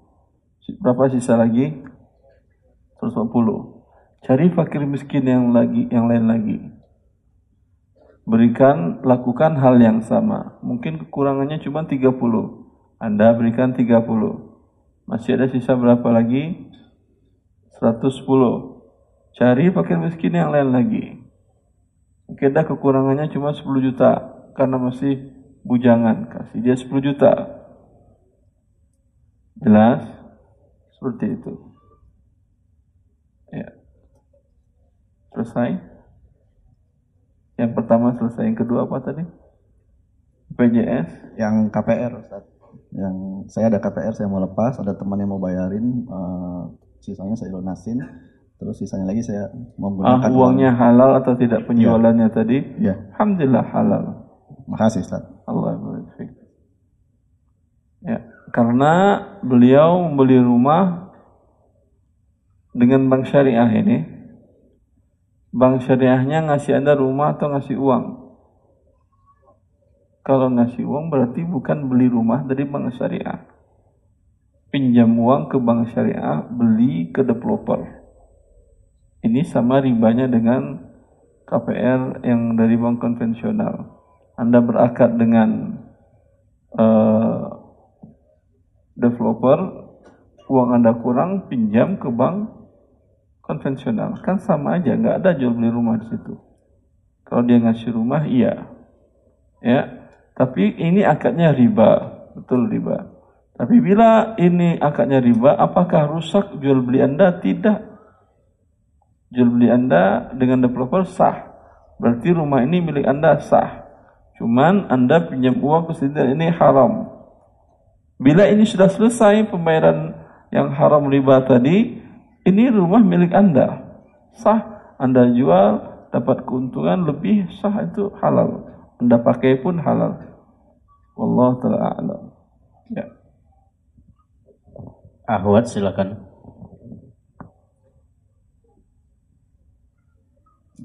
Assalamualaikum warahmatullahi wabarakatuh Ustaz Waalaikumsalam warahmatullahi wabarakatuh Ibu Ustaz saya beli rumah uh, harganya 950 juta Masya. Waktu di uh, notaris Notarisnya bacain hak-haknya itu Bacain apa? Bacain uh, apa uh, yang ada di BPJB-nya Ustaz di akte jual belinya bahwa hmm. si A ini ini itu gitu Ustaz tapi harganya yang ditulis di situ 750 juta Ustadz. Nah menurut mereka kontraktornya dan uh, notarisnya bilang, dia bilang uh, sudah diverifikasi oleh orang pajak. Gimana tuh Ustadz? Yang penting rumah sudah milik Anda. Uh, udah saya bayar Ustaz, udah saya bayar Enggak, cash. rumah yang dia maksud adalah rumah yang sama. Iya, iya Ustaz. Ya, dan sudah Anda tempatin? Belum. Ya, artinya sudah Anda terima atau belum? Uh, sudah. Sudah. Yang Anda bayar 900 yang diteruskan 150? Iya. Ya. Jual belinya sah. Boleh ya Ustadz ya? Jual belinya sah. Adapun akad ini yang berbohong kan bukan Anda. Enggak, yang mengenai pajak itu Ustadz. Yang berbohong kan notaris. Iya. Iya. Anda tidak berdosa. Hmm. Ya. Enggak saya takut aja karena kalau saya sih nggak ada masalah ditulisnya itu 750 juta di suratnya Ustadz. Saya takutnya karena kan saya jadi bayar pajaknya kurang, nggak sesuai dengan harga yang beneran saya bayar gitu Ustadz. Terus? Boleh apa enggak? Berdosa atau tidak berarti iya. kalau kurang bayar pajak. Iya. Ya. Anda tidak bayar pajak pun tidak berdosa. Alhamdulillah. Ini pertanyaan dosa dan tidak ya. Jangan katakan saya menyuruh orang untuk tidak bayar pajak. hanya mengatakan Anda tidak bayar pajak tidak berdosa. Tapi kalau Anda bayar pajak berdosa juga tidak. Alhamdulillah. Ya. Yang ada larangan dari Rasulullah Soalnya SAW pajak. menarik pajak. Iya Ustaz. Yang menarik ya tidak boleh. Kalau Anda kan yang bayar. Iya Ustaz. Alhamdulillah. Makasih Ustaz. Assalamualaikum warahmatullahi wabarakatuh. Assalamualaikum warahmatullahi wabarakatuh. Ya, Iwan silakan. Assalamualaikum warahmatullahi wabarakatuh. Assalamualaikum warahmatullahi wabarakatuh. Saat mengenai apa penyetujuan riba, walaupun kita sudah melunasinya, contohnya kan eh, kita kan tidak boleh pakai kartu kredit, walaupun kita bayar sebelum jatuh tempo, sehingga kita tidak kena riba, tapi tetap tidak boleh gara-gara kita menyetujui riba.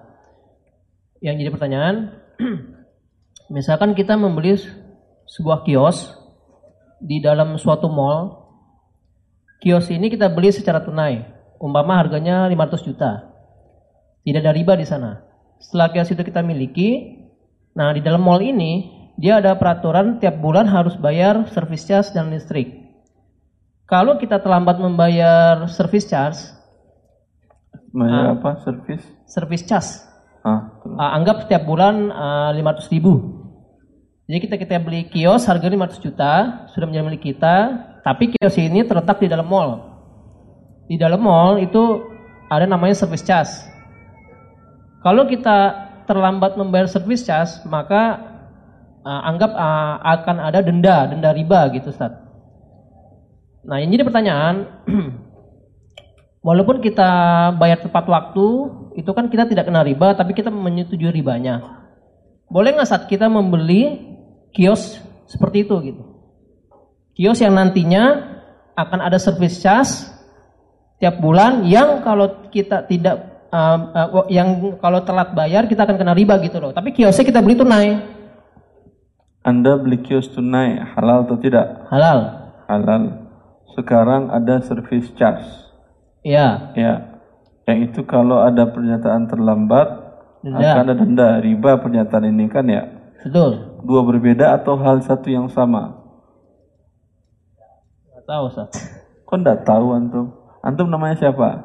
Haji. Haji itu namanya siapa? Wahab.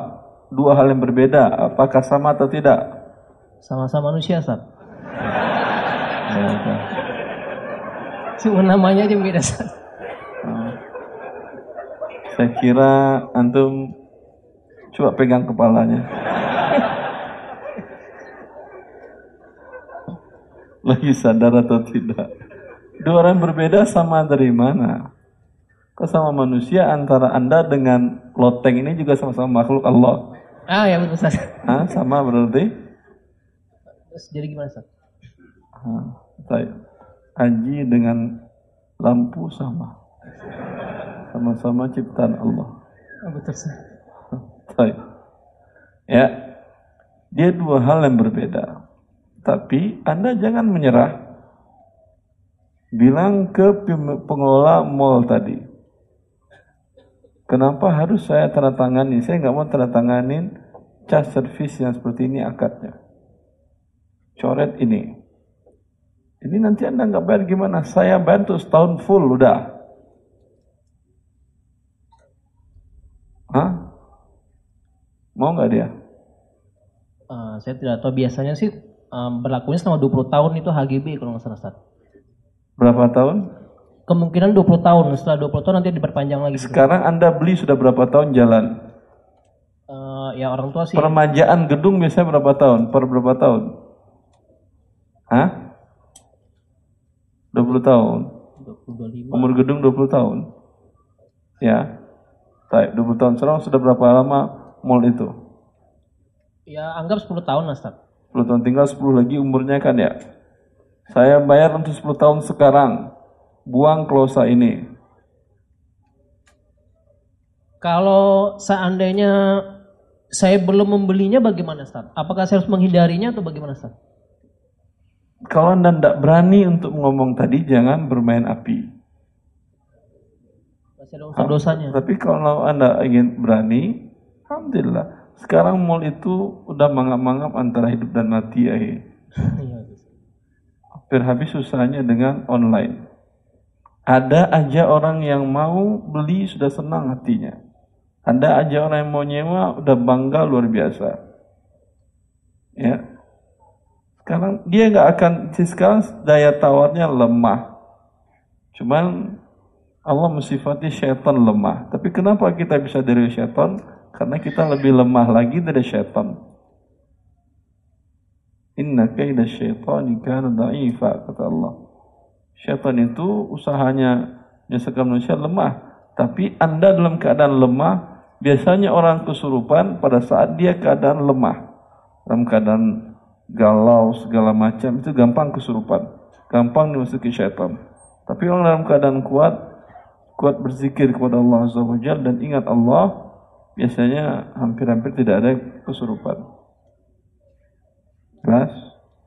Kalau jadi kalau seandainya pengelola tidak menyetujui klausa itu bagaimana? Jadi misalkan saya menjelaskan kepada teman saya itu Anda tinggal bilang saya nggak jadi beli kalau Anda nggak menyetujui klausa ini, saya coret, saya cari yang lain. Berarti masih ada unsur-unsur dosanya di sana, Ustaz ya? Jazakumullah khairan, Ustaz. Silakan Awan. Assalamualaikum warahmatullahi wabarakatuh Ustaz. Waalaikumsalam warahmatullahi wabarakatuh. Ustaz, uh, saya kan mau rencana mau buat uh, usaha ya untuk kayak misalkan produksi produksi kayak baju ataupun gamis-gamis gitu Ustaz. Nah misalkan ada uh, saya ngegandeng tiga orang uh, dua orang ya Ustaz. Uh, saya Gak sebagai paham saya apa dua orang? Uh, saya mau usaha produksi baju gamis Sampai gitu. di sana paham. Yang Nah, dua orang tadi apa? Nah, uh, saya menggandeng teman. Menggandeng. Iya. Nah, apa maksud menggandeng? itu? Maksudnya yang satu uh, misalkan saya pemodal nih, terus yang satu lagi tim untuk uh, penjual, satu lagi untuk produksi. Jadi yang buatnya yang penjahitnya gitu. Ustaz. Sebentar. Maksud tim penjual dia digaji atau tidak? Enggak. Ah, Jadi dia ikut berarti dia ikut dalam usaha Anda memberikan modal jasa. Iya betul. Yang satu lagi produksi ini maksudnya apa? Eh, dia yang jahit yang buat Tanpa digaji juga. tanpa digaji. Dia mendesain, dia menjahitnya. Iya betul. Lalu Anda apa? Pemodal Anda memberikan modal itu apa? Uang uang. heeh.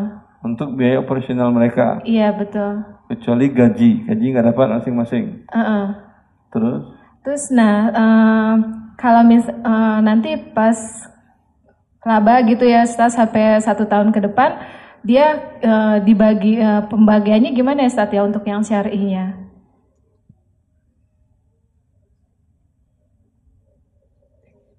Ah, iya pembagian untungnya Ustaz maksudnya.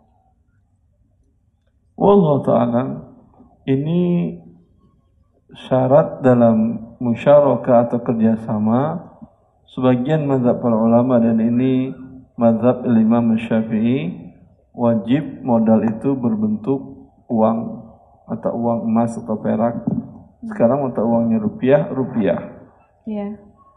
ya Ah, kalau ini ada yang tenaga seperti yang jahit yang produksi kan mulai jadi tenaga dia iya. Sebagian ulama tidak boleh. Jadi madhab syafi'i. Kalau madhab jumhur para ulama, anda madhabnya apa ibu? Syafi'i. Ah, berarti tidak boleh.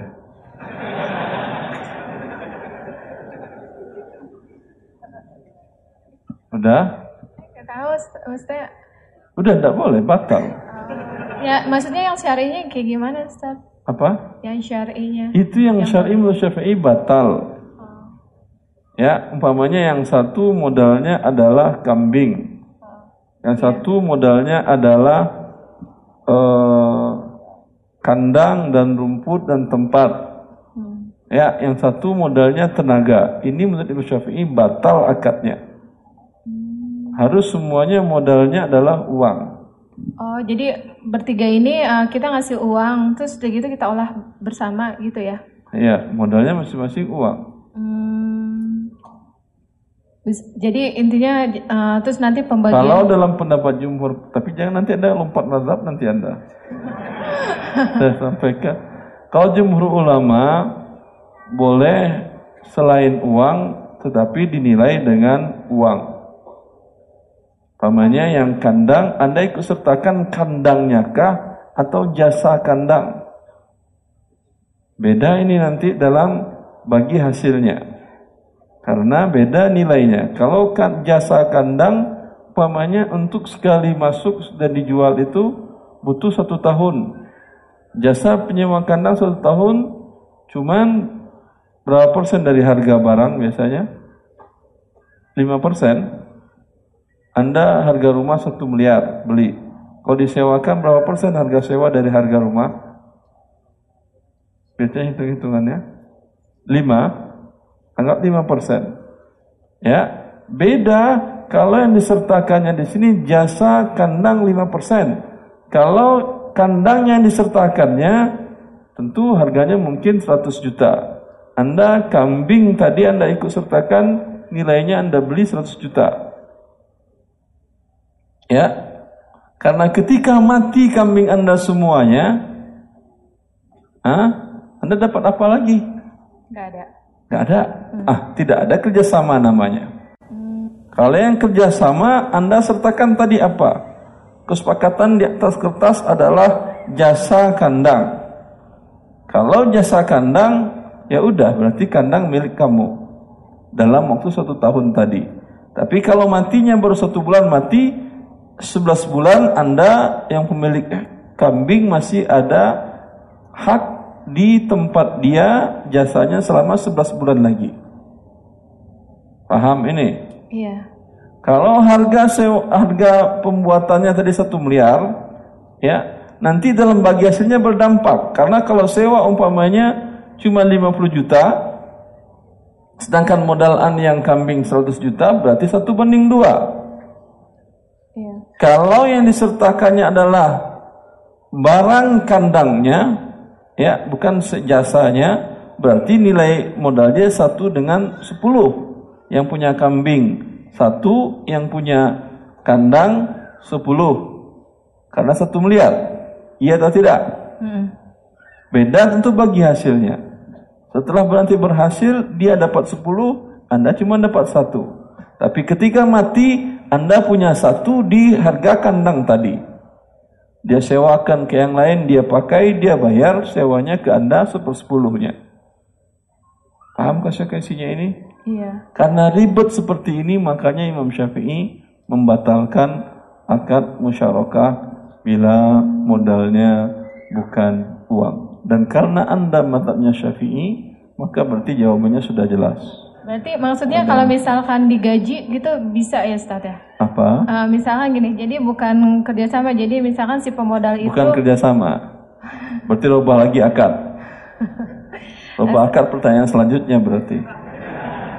Silakan. Ya, yang Ikhwan dulu silakan. baik pasti Ustaz. Baik, afwan. Assalamualaikum warahmatullahi wabarakatuh. Waalaikumsalam warahmatullahi wabarakatuh. Uh, Ustadz, uh, saya sekarang bekerja di IT Consultant. Masya Allah. Uh, IT Consultant itu kita menjual barang-barang ke finance uh, financial service seperti asuransi, banking, Gojek gitu. Terus yang jadi pertanyaan saya, kita menjual barang-barang IT itu kan ke banking lah, katakanlah ya.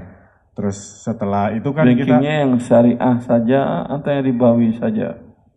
Uh, masih campur Ustadz. Campur. Masih Berarti campur.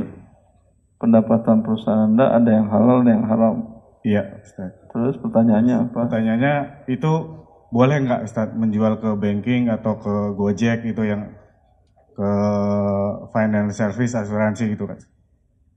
Yang lembaganya haram, haram Anda jual ke dia. Iya. Karena akan digunakannya untuk usaha haramnya. Berarti nggak boleh Ustadz. Yang haram itu artinya apa? Iya. Dilarang Kalau- oleh Allah. Dilarang oleh Allah itu bahasa Indonesia Anda mungkin tidak boleh. Nggak boleh. Ah, Iya, satu lagi Ustadz yang kalau yang Gojek ini kan ada yang haram, ada yang enggak tuh. Yang GoPay kan yang haram. Nah itu Iya. gimana Ustadz? dia Kebetulan ada kerjasama juga sama GoPay. ini. Ya. Ini yang Anda jual pendukung yang halal atau sistem yang haram? Mendukung yang. GoPay. Ah, Yang GoPay dan yang enggak GoPay. ber- Eh, yang aplikasinya dan Kopenya. baik. Eh. Berarti ada yang halal, ada yang haram. Iya. Iya, udah. Lebih baik ditinggalkan gitu berarti. Orang namanya jualan tentu ingin dapat uang halal. Iya. Ngapain saya jual barang atau menjual jasa, dapat setengah halal, setengah haram. Jelas. Jelas Ustaz. Allah barik fiik. Ya, syukuran Ustaz. Afwan. Silakan Awan. Bismillah. Assalamualaikum warahmatullahi wabarakatuh, Ustadz. Waalaikumsalam warahmatullahi wabarakatuh. Eh, saya di rumah ada motor dan masih baru. Masya Allah. Kemudian dipakai oleh saudara saya dan rusak Apa? di Masih baru tapi rusak bagaimana ia ceritanya? digunakan eh, sama saudara saya kemudian eh, jatuh atau gimana jadi rusak dan beliau berniat untuk menukar dengan yang baru tapi dia membelinya dengan sistem kredit. Bagaimana hukumnya Ustadz? Jazakallahu Pakai khair. nama Anda atau nama dia? Eh, nama beliau. Ah. Tapi dia beli dengan sistem kredit. Iya, betul. Kewajiban dia tidak harus mengganti dengan yang baru. Dia hanya kewajiban dia hanya mengganti selisih harga yang rusak dengan yang ketika dipakainya tidak rusak. Ya, Iya. kalau begitu berat nggak kira-kira bagi dia? Iya. Kok iya? Daripada dia beli dengan riba? Iya. Jadi eh, maksudnya Iya, dia- Anda tinggal katakan kepada dia, Anda kewajibannya seperti itu. baik Ustaz. Kalau ada rezeki, Anda bayar tunai, Alhamdulillah. Mm-mm. Kalau tidak, silakan Anda cicil umpamanya 60% atau 50% dari gaji Anda bulanan sampai terpenuhi selisih antara yang rusak tadi dengan yang awal Anda pakai. Sehingga lebih ringan dia. Baik Ustaz. Ya, Anda membantu dia juga. Iya. Baik jazakallahu khair barakallahu fiik. Ya, silakan Iwan. Assalamualaikum warahmatullahi wabarakatuh. Assalamualaikum warahmatullahi wabarakatuh. Eh, ya Ustadz, saya mau bertanya. Jadi kebetulan kasusnya adalah ayah saya, rahimahullah, waktu itu seumur hidupnya bekerja di lembaga perbankan. Nah, kemudian pada saat meninggalnya, beliau meninggalkan waris kepada saya berupa tanah. Nah, itu saya mau tanya Ustadz, apakah status tanah itu, jadi pembeliannya berdasarkan dari hasil penghasilan selama dia bekerja di sana. Nah, apakah status tanahnya itu... Anda yakin tidak ada yang halal dari pembayaran harga tanah tadi? Eh, saya tanya ke ibu saya kebetulan dari uang pembeliannya itu adalah hasil dari penghasilannya dan pinjaman dari kantornya juga seperti Ya, itu ya pinjaman itu kan berarti dibayar dengan uang dengan uang penghasilan pribadi juga. juga, kan? iya betul. Baik. Nah itu apakah status harta warisnya itu halal untuk saya atau bagaimana Ustaz? Harta ini tidak bisa diwariskan, tapi dipindahkan kepada fakir miskin. Fakir miskin yang mana? Kalau ada fakir miskin di antara ruang kerabatnya, boleh. Kalau tidak, berpindah kepada fakir miskin dari area kerabatnya. Di antara anak, istri, saudaranya, bapak, ada yang fakir miskin? Anda sendiri fakir miskin atau tidak? Anak-anaknya ada yang fakir miskin? Eh, bukan, tapi kebetulan kayak untuk kebutuhan beberapa kebutuhan rumah cukup besar. Nah itu ibu saya ada kekurangan untuk perbaikan rumah seperti itu. Apakah kalau dihibahkan ibu saya boleh Ustaz? Rumah tadi terlalu besar untuk ibu anda atau pas-pasan? Karena fakir miskin nggak boleh juga tinggal di rumah mahal. Dia fakir miskin rumahnya lima kamar tidur, dua lantai. Ini bukan fakir miskin namanya ini, ibu kos. Jelas? Jelas insya Allah. Baik, lihatlah kalau rumah tadi cuma dua kamar, nanti nggak apa-apa ibu-ibu tinggal di sini. Ya, boleh kalau seperti itu. Tapi kalau tidak pantas buat dia nggak boleh. Eh, Kalau misalnya tadi tanahnya itu saya jual, berarti itu murni semuanya lebih baik disedahkan ya Ustaz ya? Ya, diberikan kepada fakir miskin pun juga tidak semua harganya. Tadi dapat umpamanya angka penjualannya satu miliar. Ya juga bukan ke satu fakir miskin Anda berikan. Ya, Iya, dibagi ya. Berikan, kebutuhan ah. tahunannya. berikan kepada fakir miskin sebesar kekurangan dia. Anda cek ada fakir miskin X tetangga Anda umpamanya ya atau kerabat dekat atau kerabat dekat Anda tanyakan berapa pendapatan dia, berapa kekurangannya. Selisihnya Anda berikan kepadanya. Umpamanya gajinya 5 juta, pengeluarannya tadi umpamanya 10 juta. Berarti dia berhak menerima 5 kali 12, 60 kasih dia 60. Berarti masih tinggal 920 juta lagi kan? Ya. Jadi pakai miskin yang lain. Jelas. Jelas insya Allah. Jazakallah Assalamualaikum warahmatullahi wabarakatuh. Assalamualaikum warahmatullahi wabarakatuh. Silakan.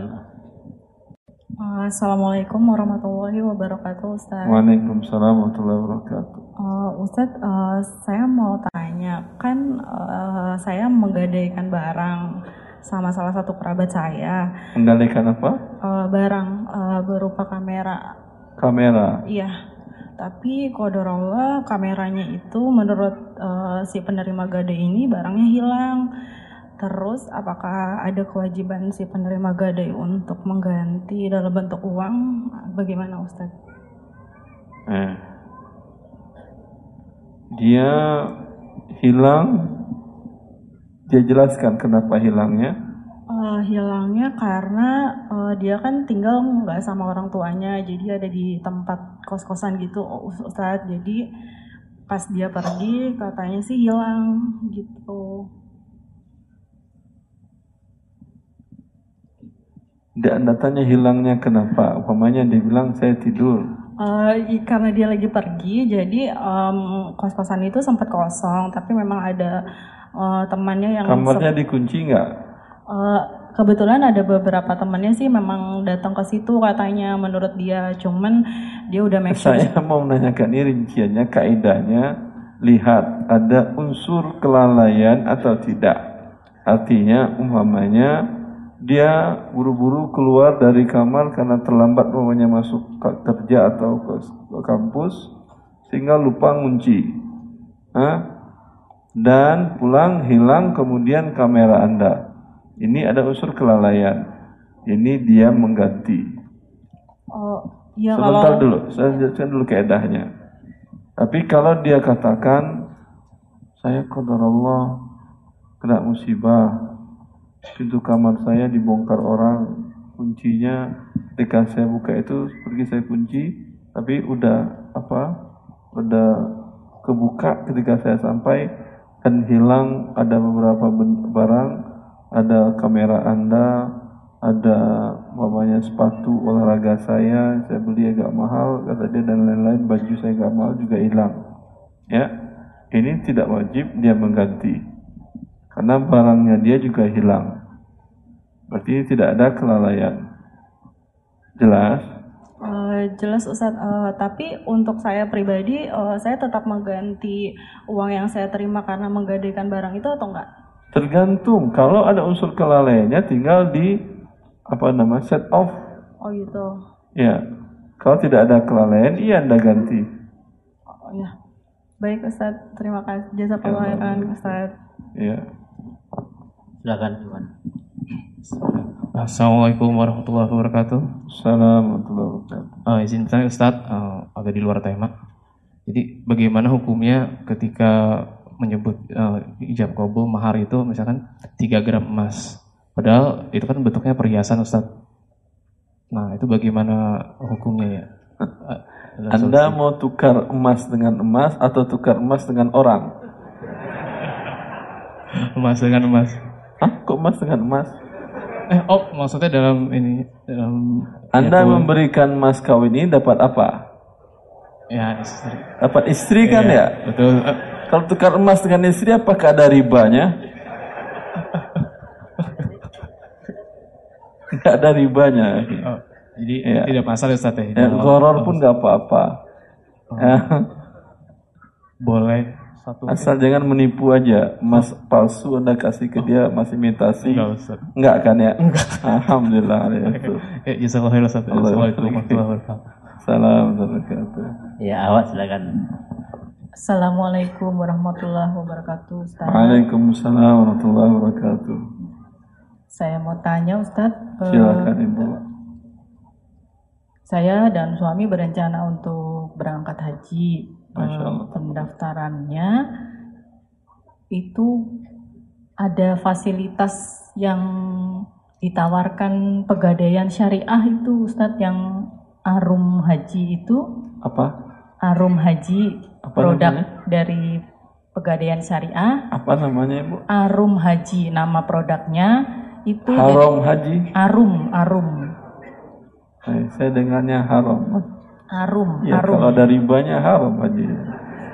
Terus Ya, terus. itu Haram Haji.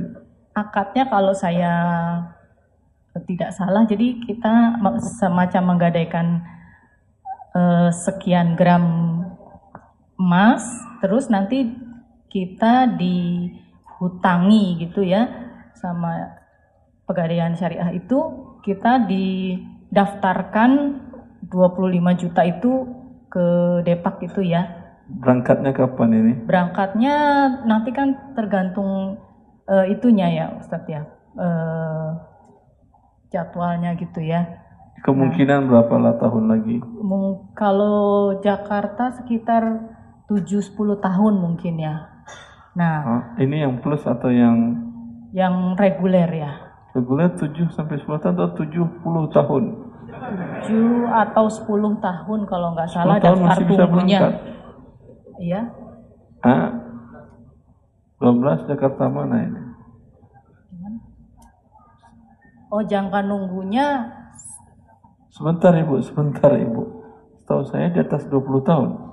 Oh, itu kayak kurang paham juga sih Ustadz. Iya, ini harus paham Anda. Karena Oh, iya. selama ini emas Anda ah, akan dikenakan oleh dia apa?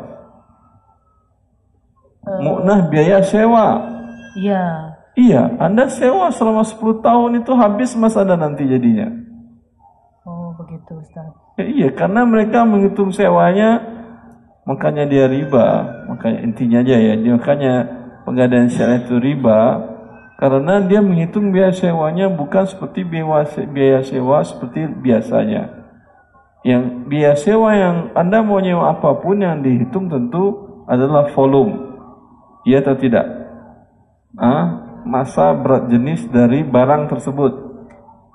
Barang yang besar dengan barang yang kecil, walaupun harga berbeda, tetap yang besar lebih mahal sewanya. Iya atau tidak? Tapi mereka tidak hitung begitu. Mereka menghitung biaya sewanya persentase dari nilai emas. Ada orang sewa seperti itu? Hah? Maka dan bayarnya per 14 hari kali 20 tahun habis harga emas bahkan nanti terhutang Anda. Udah sewanya udah habis ini. Emasnya udah lebih mahal sewa daripada harga emas. Nombok-nombokin. Ya. Ya. Lebih baik Anda tidak haji, tidak berdosa karena tidak wajib haji ketika antrian seperti sekarang ini. Karena haji itu wajib bagi yang mampu. Ada yang mengira umur dia 20 tahun lagi masih ada. Tidak ada yang bisa memperkirakan. Jelas? Iya, jelas Ustaz. Daripada kemudian Anda memaksakan diri padahal ini mengandung unsur riba. Tidak berangkat haji Anda tidak berdosa. Karena kondisi seperti ini sekarang. Tetapi Anda memaksakan diri dengan cara seperti ini Anda berdosa besar karena berbuat riba. Belum berangkat haji sudah dapat dosa besar, apa untungnya beribadah seperti itu? Oh iya iya. Iya Ustaz. Ya Allah barik Ya, syukron Ustaz, makasih Ustaz. Afwan, Ibu. Afwan. Cukup?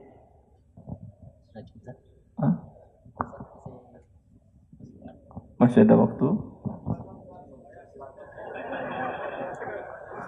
Ya, silakan. Memang masih banyak, masya Allah.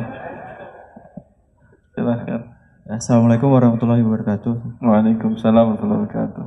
Ustaz saya ingin bertanya, eh, jadi ada seorang yang memiliki dananya mengendap di bank dan dana itu mengendap dan tidak bisa dicairkan karena kelengkapan administrasinya kurang. Seperti eh, bukti bahwa uang itu bukan dari hasil money laundry dan juga eh, hasil dari kejahatan. Lalu eh, karena dia tidak bisa mencairkan tersebut, dia mencari orang yang bisa ba- membantu melengkapkan administrasinya. Jadi eh, dia mencari orang yang menyediakan jasa tersebut dan kebetulan eh, misalnya teman-teman saya dan ayah saya itu ingin membantunya dan dijanjikan fee 40% dari total uang yang di eh, yang total yang ada di bank tersebut. Jadi misal ada uang 100 juta, kemudian kalau bisa mencairkan uang tersebut, membantu administrasinya, nanti akan dibagikan keuntungan apa dari 100 juta itu 40 juta. Itu bagaimana hukumnya Ustaz? Anda yakin uangnya halal? Ya Ustaz, kalau misalnya uangnya tidak ada unsur money laundry dan kejahatan, itu halal insya Allah. Anda yakin uang dia itu? Anda kenal orangnya? Eh, kebetulan bukan saya mengalami langsung Ustaz. Tidak. Ini yang penting dilakukan oleh orang yang ingin membantu orang lain. Iya. Kalau Anda kenal orangnya baik, soleh, dan Anda tahu dulu penjualan dari umpamanya eh, dia menjual tanah nenek moyangnya dijualnya dan disimpannya. Dulu kan tidak ada keharusan harus ada bebas ini, bebas itu, bebas itu. Ya, sekarang dia sudah ada uang di sana ingin dicairkan dan harus ada ini ini itu. Kalau kondisinya begini tidak ada masalah. Tapi kalau anda tidak kenal orangnya jangan. Saya tahu betul dia orang yang tidak benar berarti anda betul dia dalam keadaan maksiat. Eh, kalau misalnya uangnya ternyata benar halal, kita Ternyata benar halal ya boleh anda bantu dan berpahala anda bantu dia. Seperti kasus yang tadi, anda tahu tetangga baik dengan orang ini, ya, dan tahu dulu bapaknya menjualan menjualkan tanah untuk dia, ya dibagi-bagi ke anak-anaknya, dia dapat angka yang besar, umpamanya. Tadi kali bapak atas nama dia. Ya, dulu kan tidak ada harus bebas ini, bebas itu surat-surat tadi. Kalau tidak yakin betul seperti itu, berpahala membantu orang ini. Tapi kalau misalnya kita baru eh, belum lama kenalnya Ustaz dan tapi ternyata dibuktikan uang tersebut halal gitu. Ternyata ternyata uangnya halal gitu. Anda tahu dari mana uangnya halal? Anda nggak Misalnya dia. karena uangnya itu ditransfer Ustaz dari luar negeri. Uangnya transfer ke dia ke rekening dia yang ada di dalam negeri, tapi eh, untuk membuktikan uang itu apa Atas dasar apa ditransfer? mindahkan uang Ustaz dari rekening luar negeri dia ke dalam negeri. Anda bisa bu mencari bukti tahu bahwa dia di luar negeri itu bekerja yang halal. Ya kalau misalnya itu terbukti halal misalnya dan kalau misalnya haram kan berarti kita Kalau Anda yakin, seperti yang saya katakan, Anda yakin, bagus Anda membantu kaum muslimin, walaupun nggak dapat fee. Ternyata Anda dapat fee, dapat dua, pahala dapat, uang dapat. Ya. Jazakallah khairan Ustaz. Allah. Nih, Assalamualaikum warahmatullahi wabarakatuh. Waalaikumsalam warahmatullahi wabarakatuh. Uh, ya Ustadz, Afan ini Ana ada titipan pertanyaan dari teman Ana tentang driver online. Uh, itu bagaimana ya hukumnya Ustadz? Sedangkan di situ kan ada sistem GoPay-nya ya. Nah, itu uh, untuk hukum menjadi driver online itu hukumnya seperti apa Ustadz? Ya, wallahu alam pada dasarnya setiap pekerjaan hukumnya adalah halal kecuali ada hal yang menyebabkannya haram. Bila dia driver yang online tadi tidak membantu orang-orang untuk melakukan akad GoPay-nya tadi, tidak menyuruh dia untuk top up, tidak menyuruh dia uh, menawarkan kepada dia untuk bayar pakai uh, imaninya, tapi bayar pakai tunai, hukum asalnya tidak ada masalah. Dia hanya mendapatkan orderan karena melalui uh, aplikasi tadi. Tapi kalau dia laksanakan SOP-nya di mana wajib setiap driver tadi menawarkan top up ya maka berarti dia mengajak orang untuk berbuat yang diharamkan oleh Allah dan Rasulnya. Jadi hukumnya tetap boleh ya Ustadz bekerja di situ, asalkan tidak uh, tadi memenuhi SOP yang tadi. Ya betul. Oke. Jazakallah khair Allah Ustadz jawabannya. Assalamualaikum warahmatullahi wabarakatuh. Assalamualaikum. Silakan. Assalamualaikum warahmatullahi wabarakatuh. Waalaikumsalam warahmatullahi wabarakatuh. Ustaz mau nanya, kalau sebelum ke masjid sudah ada chat tentang bahwa barang saya akan dibeli Akan dibeli. akan dibeli oleh teman saya yang akan kajian. Ah, Yang akan Lalu kajian. Akan barangnya- hadir kajian juga. Iya. Terus Lalu barangnya serah terimanya di masjid, cuma Ya. bayarnya nanti setelah keluar kajian. Itu bagaimana? Ya, berarti dealnya kapan? Dealnya udah dari kemarin-kemarin. Berarti hutang dengan hutang. Bukan. Jadi beberapa hari yang lalu sudah chat. Saya pesan barang Chat Anda. deal. Deal. Ada dia setor uang? Enggak. Ada Anda serahkan barang? Belum. Iya kan ini namanya hutang dengan hutang. Oh iya. Barang hutang, uang hutang. Dan Rasulullah mengharamkan nahan Nabi sallallahu alaihi wasallam an bai'il kali bil kali. Rasulullah melarang jual beli hutang dengan hutang. Jelas? Lalu eh, bagaimana ketika orang mau pesan barang saya Ustaz? Itu bagaimana? Kan ketemunya pas Orang memesan barang Anda. Iya. Ya, berarti belum ada boleh akad. Ketika uang dia masuk, berarti sudah ada salah satu yang diserahkan. Salam namanya, salam fil hal. Barang menyusul. Atau barang yang Anda serahkan, uang belakangan. Jual beli bis, be, bisa manin ajil namanya. Juga boleh. Tapi dua-duanya tunda, maka terjadi jual beli hutang dengan hutang. Kalau serah terima Solusinya lagi pada waktu saat itu akadnya. Ya, bilang akad yang sebelumnya yang deal kemarin batal. Ketika barang sampai kita berakad. Mana yang dulu sampai? Kalau uang dulu sampai baru kita berakad atau barang sampai kita baru berakad. Sama-sama sampai pada saat itu kita akadkan. Berarti yang tadi Anda batalkan ketika bertemu di masjid di sanalah akadnya di mana barang diserahkan. Berarti ini berakad di dalam serah terima dalam masjid berarti nggak boleh Ustaz? bukan serah terima ini tadi kan akad pertama batal. Batal. Berarti sekarang akadnya Iya.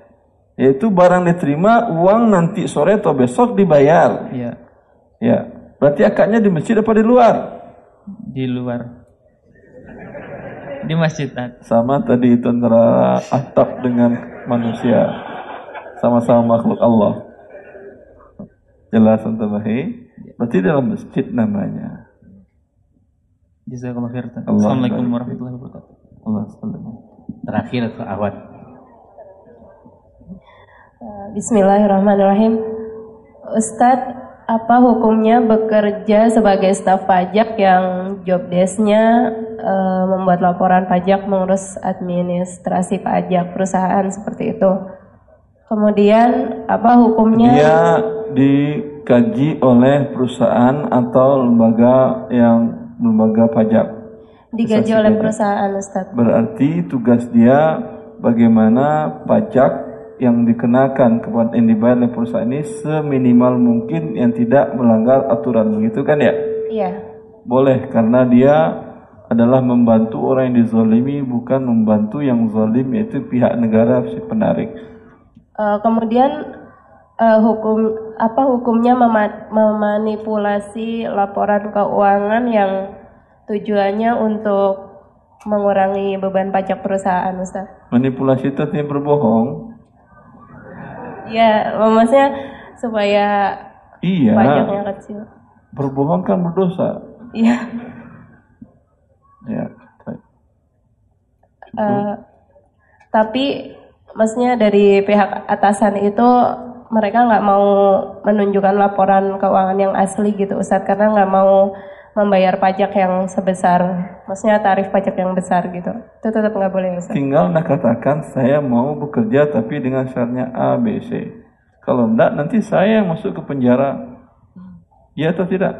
iya Ustadz Ya udah. Kecuali Anda siap berkorban untuk perusahaan tadi untuk ke penjara, Alhamdulillah.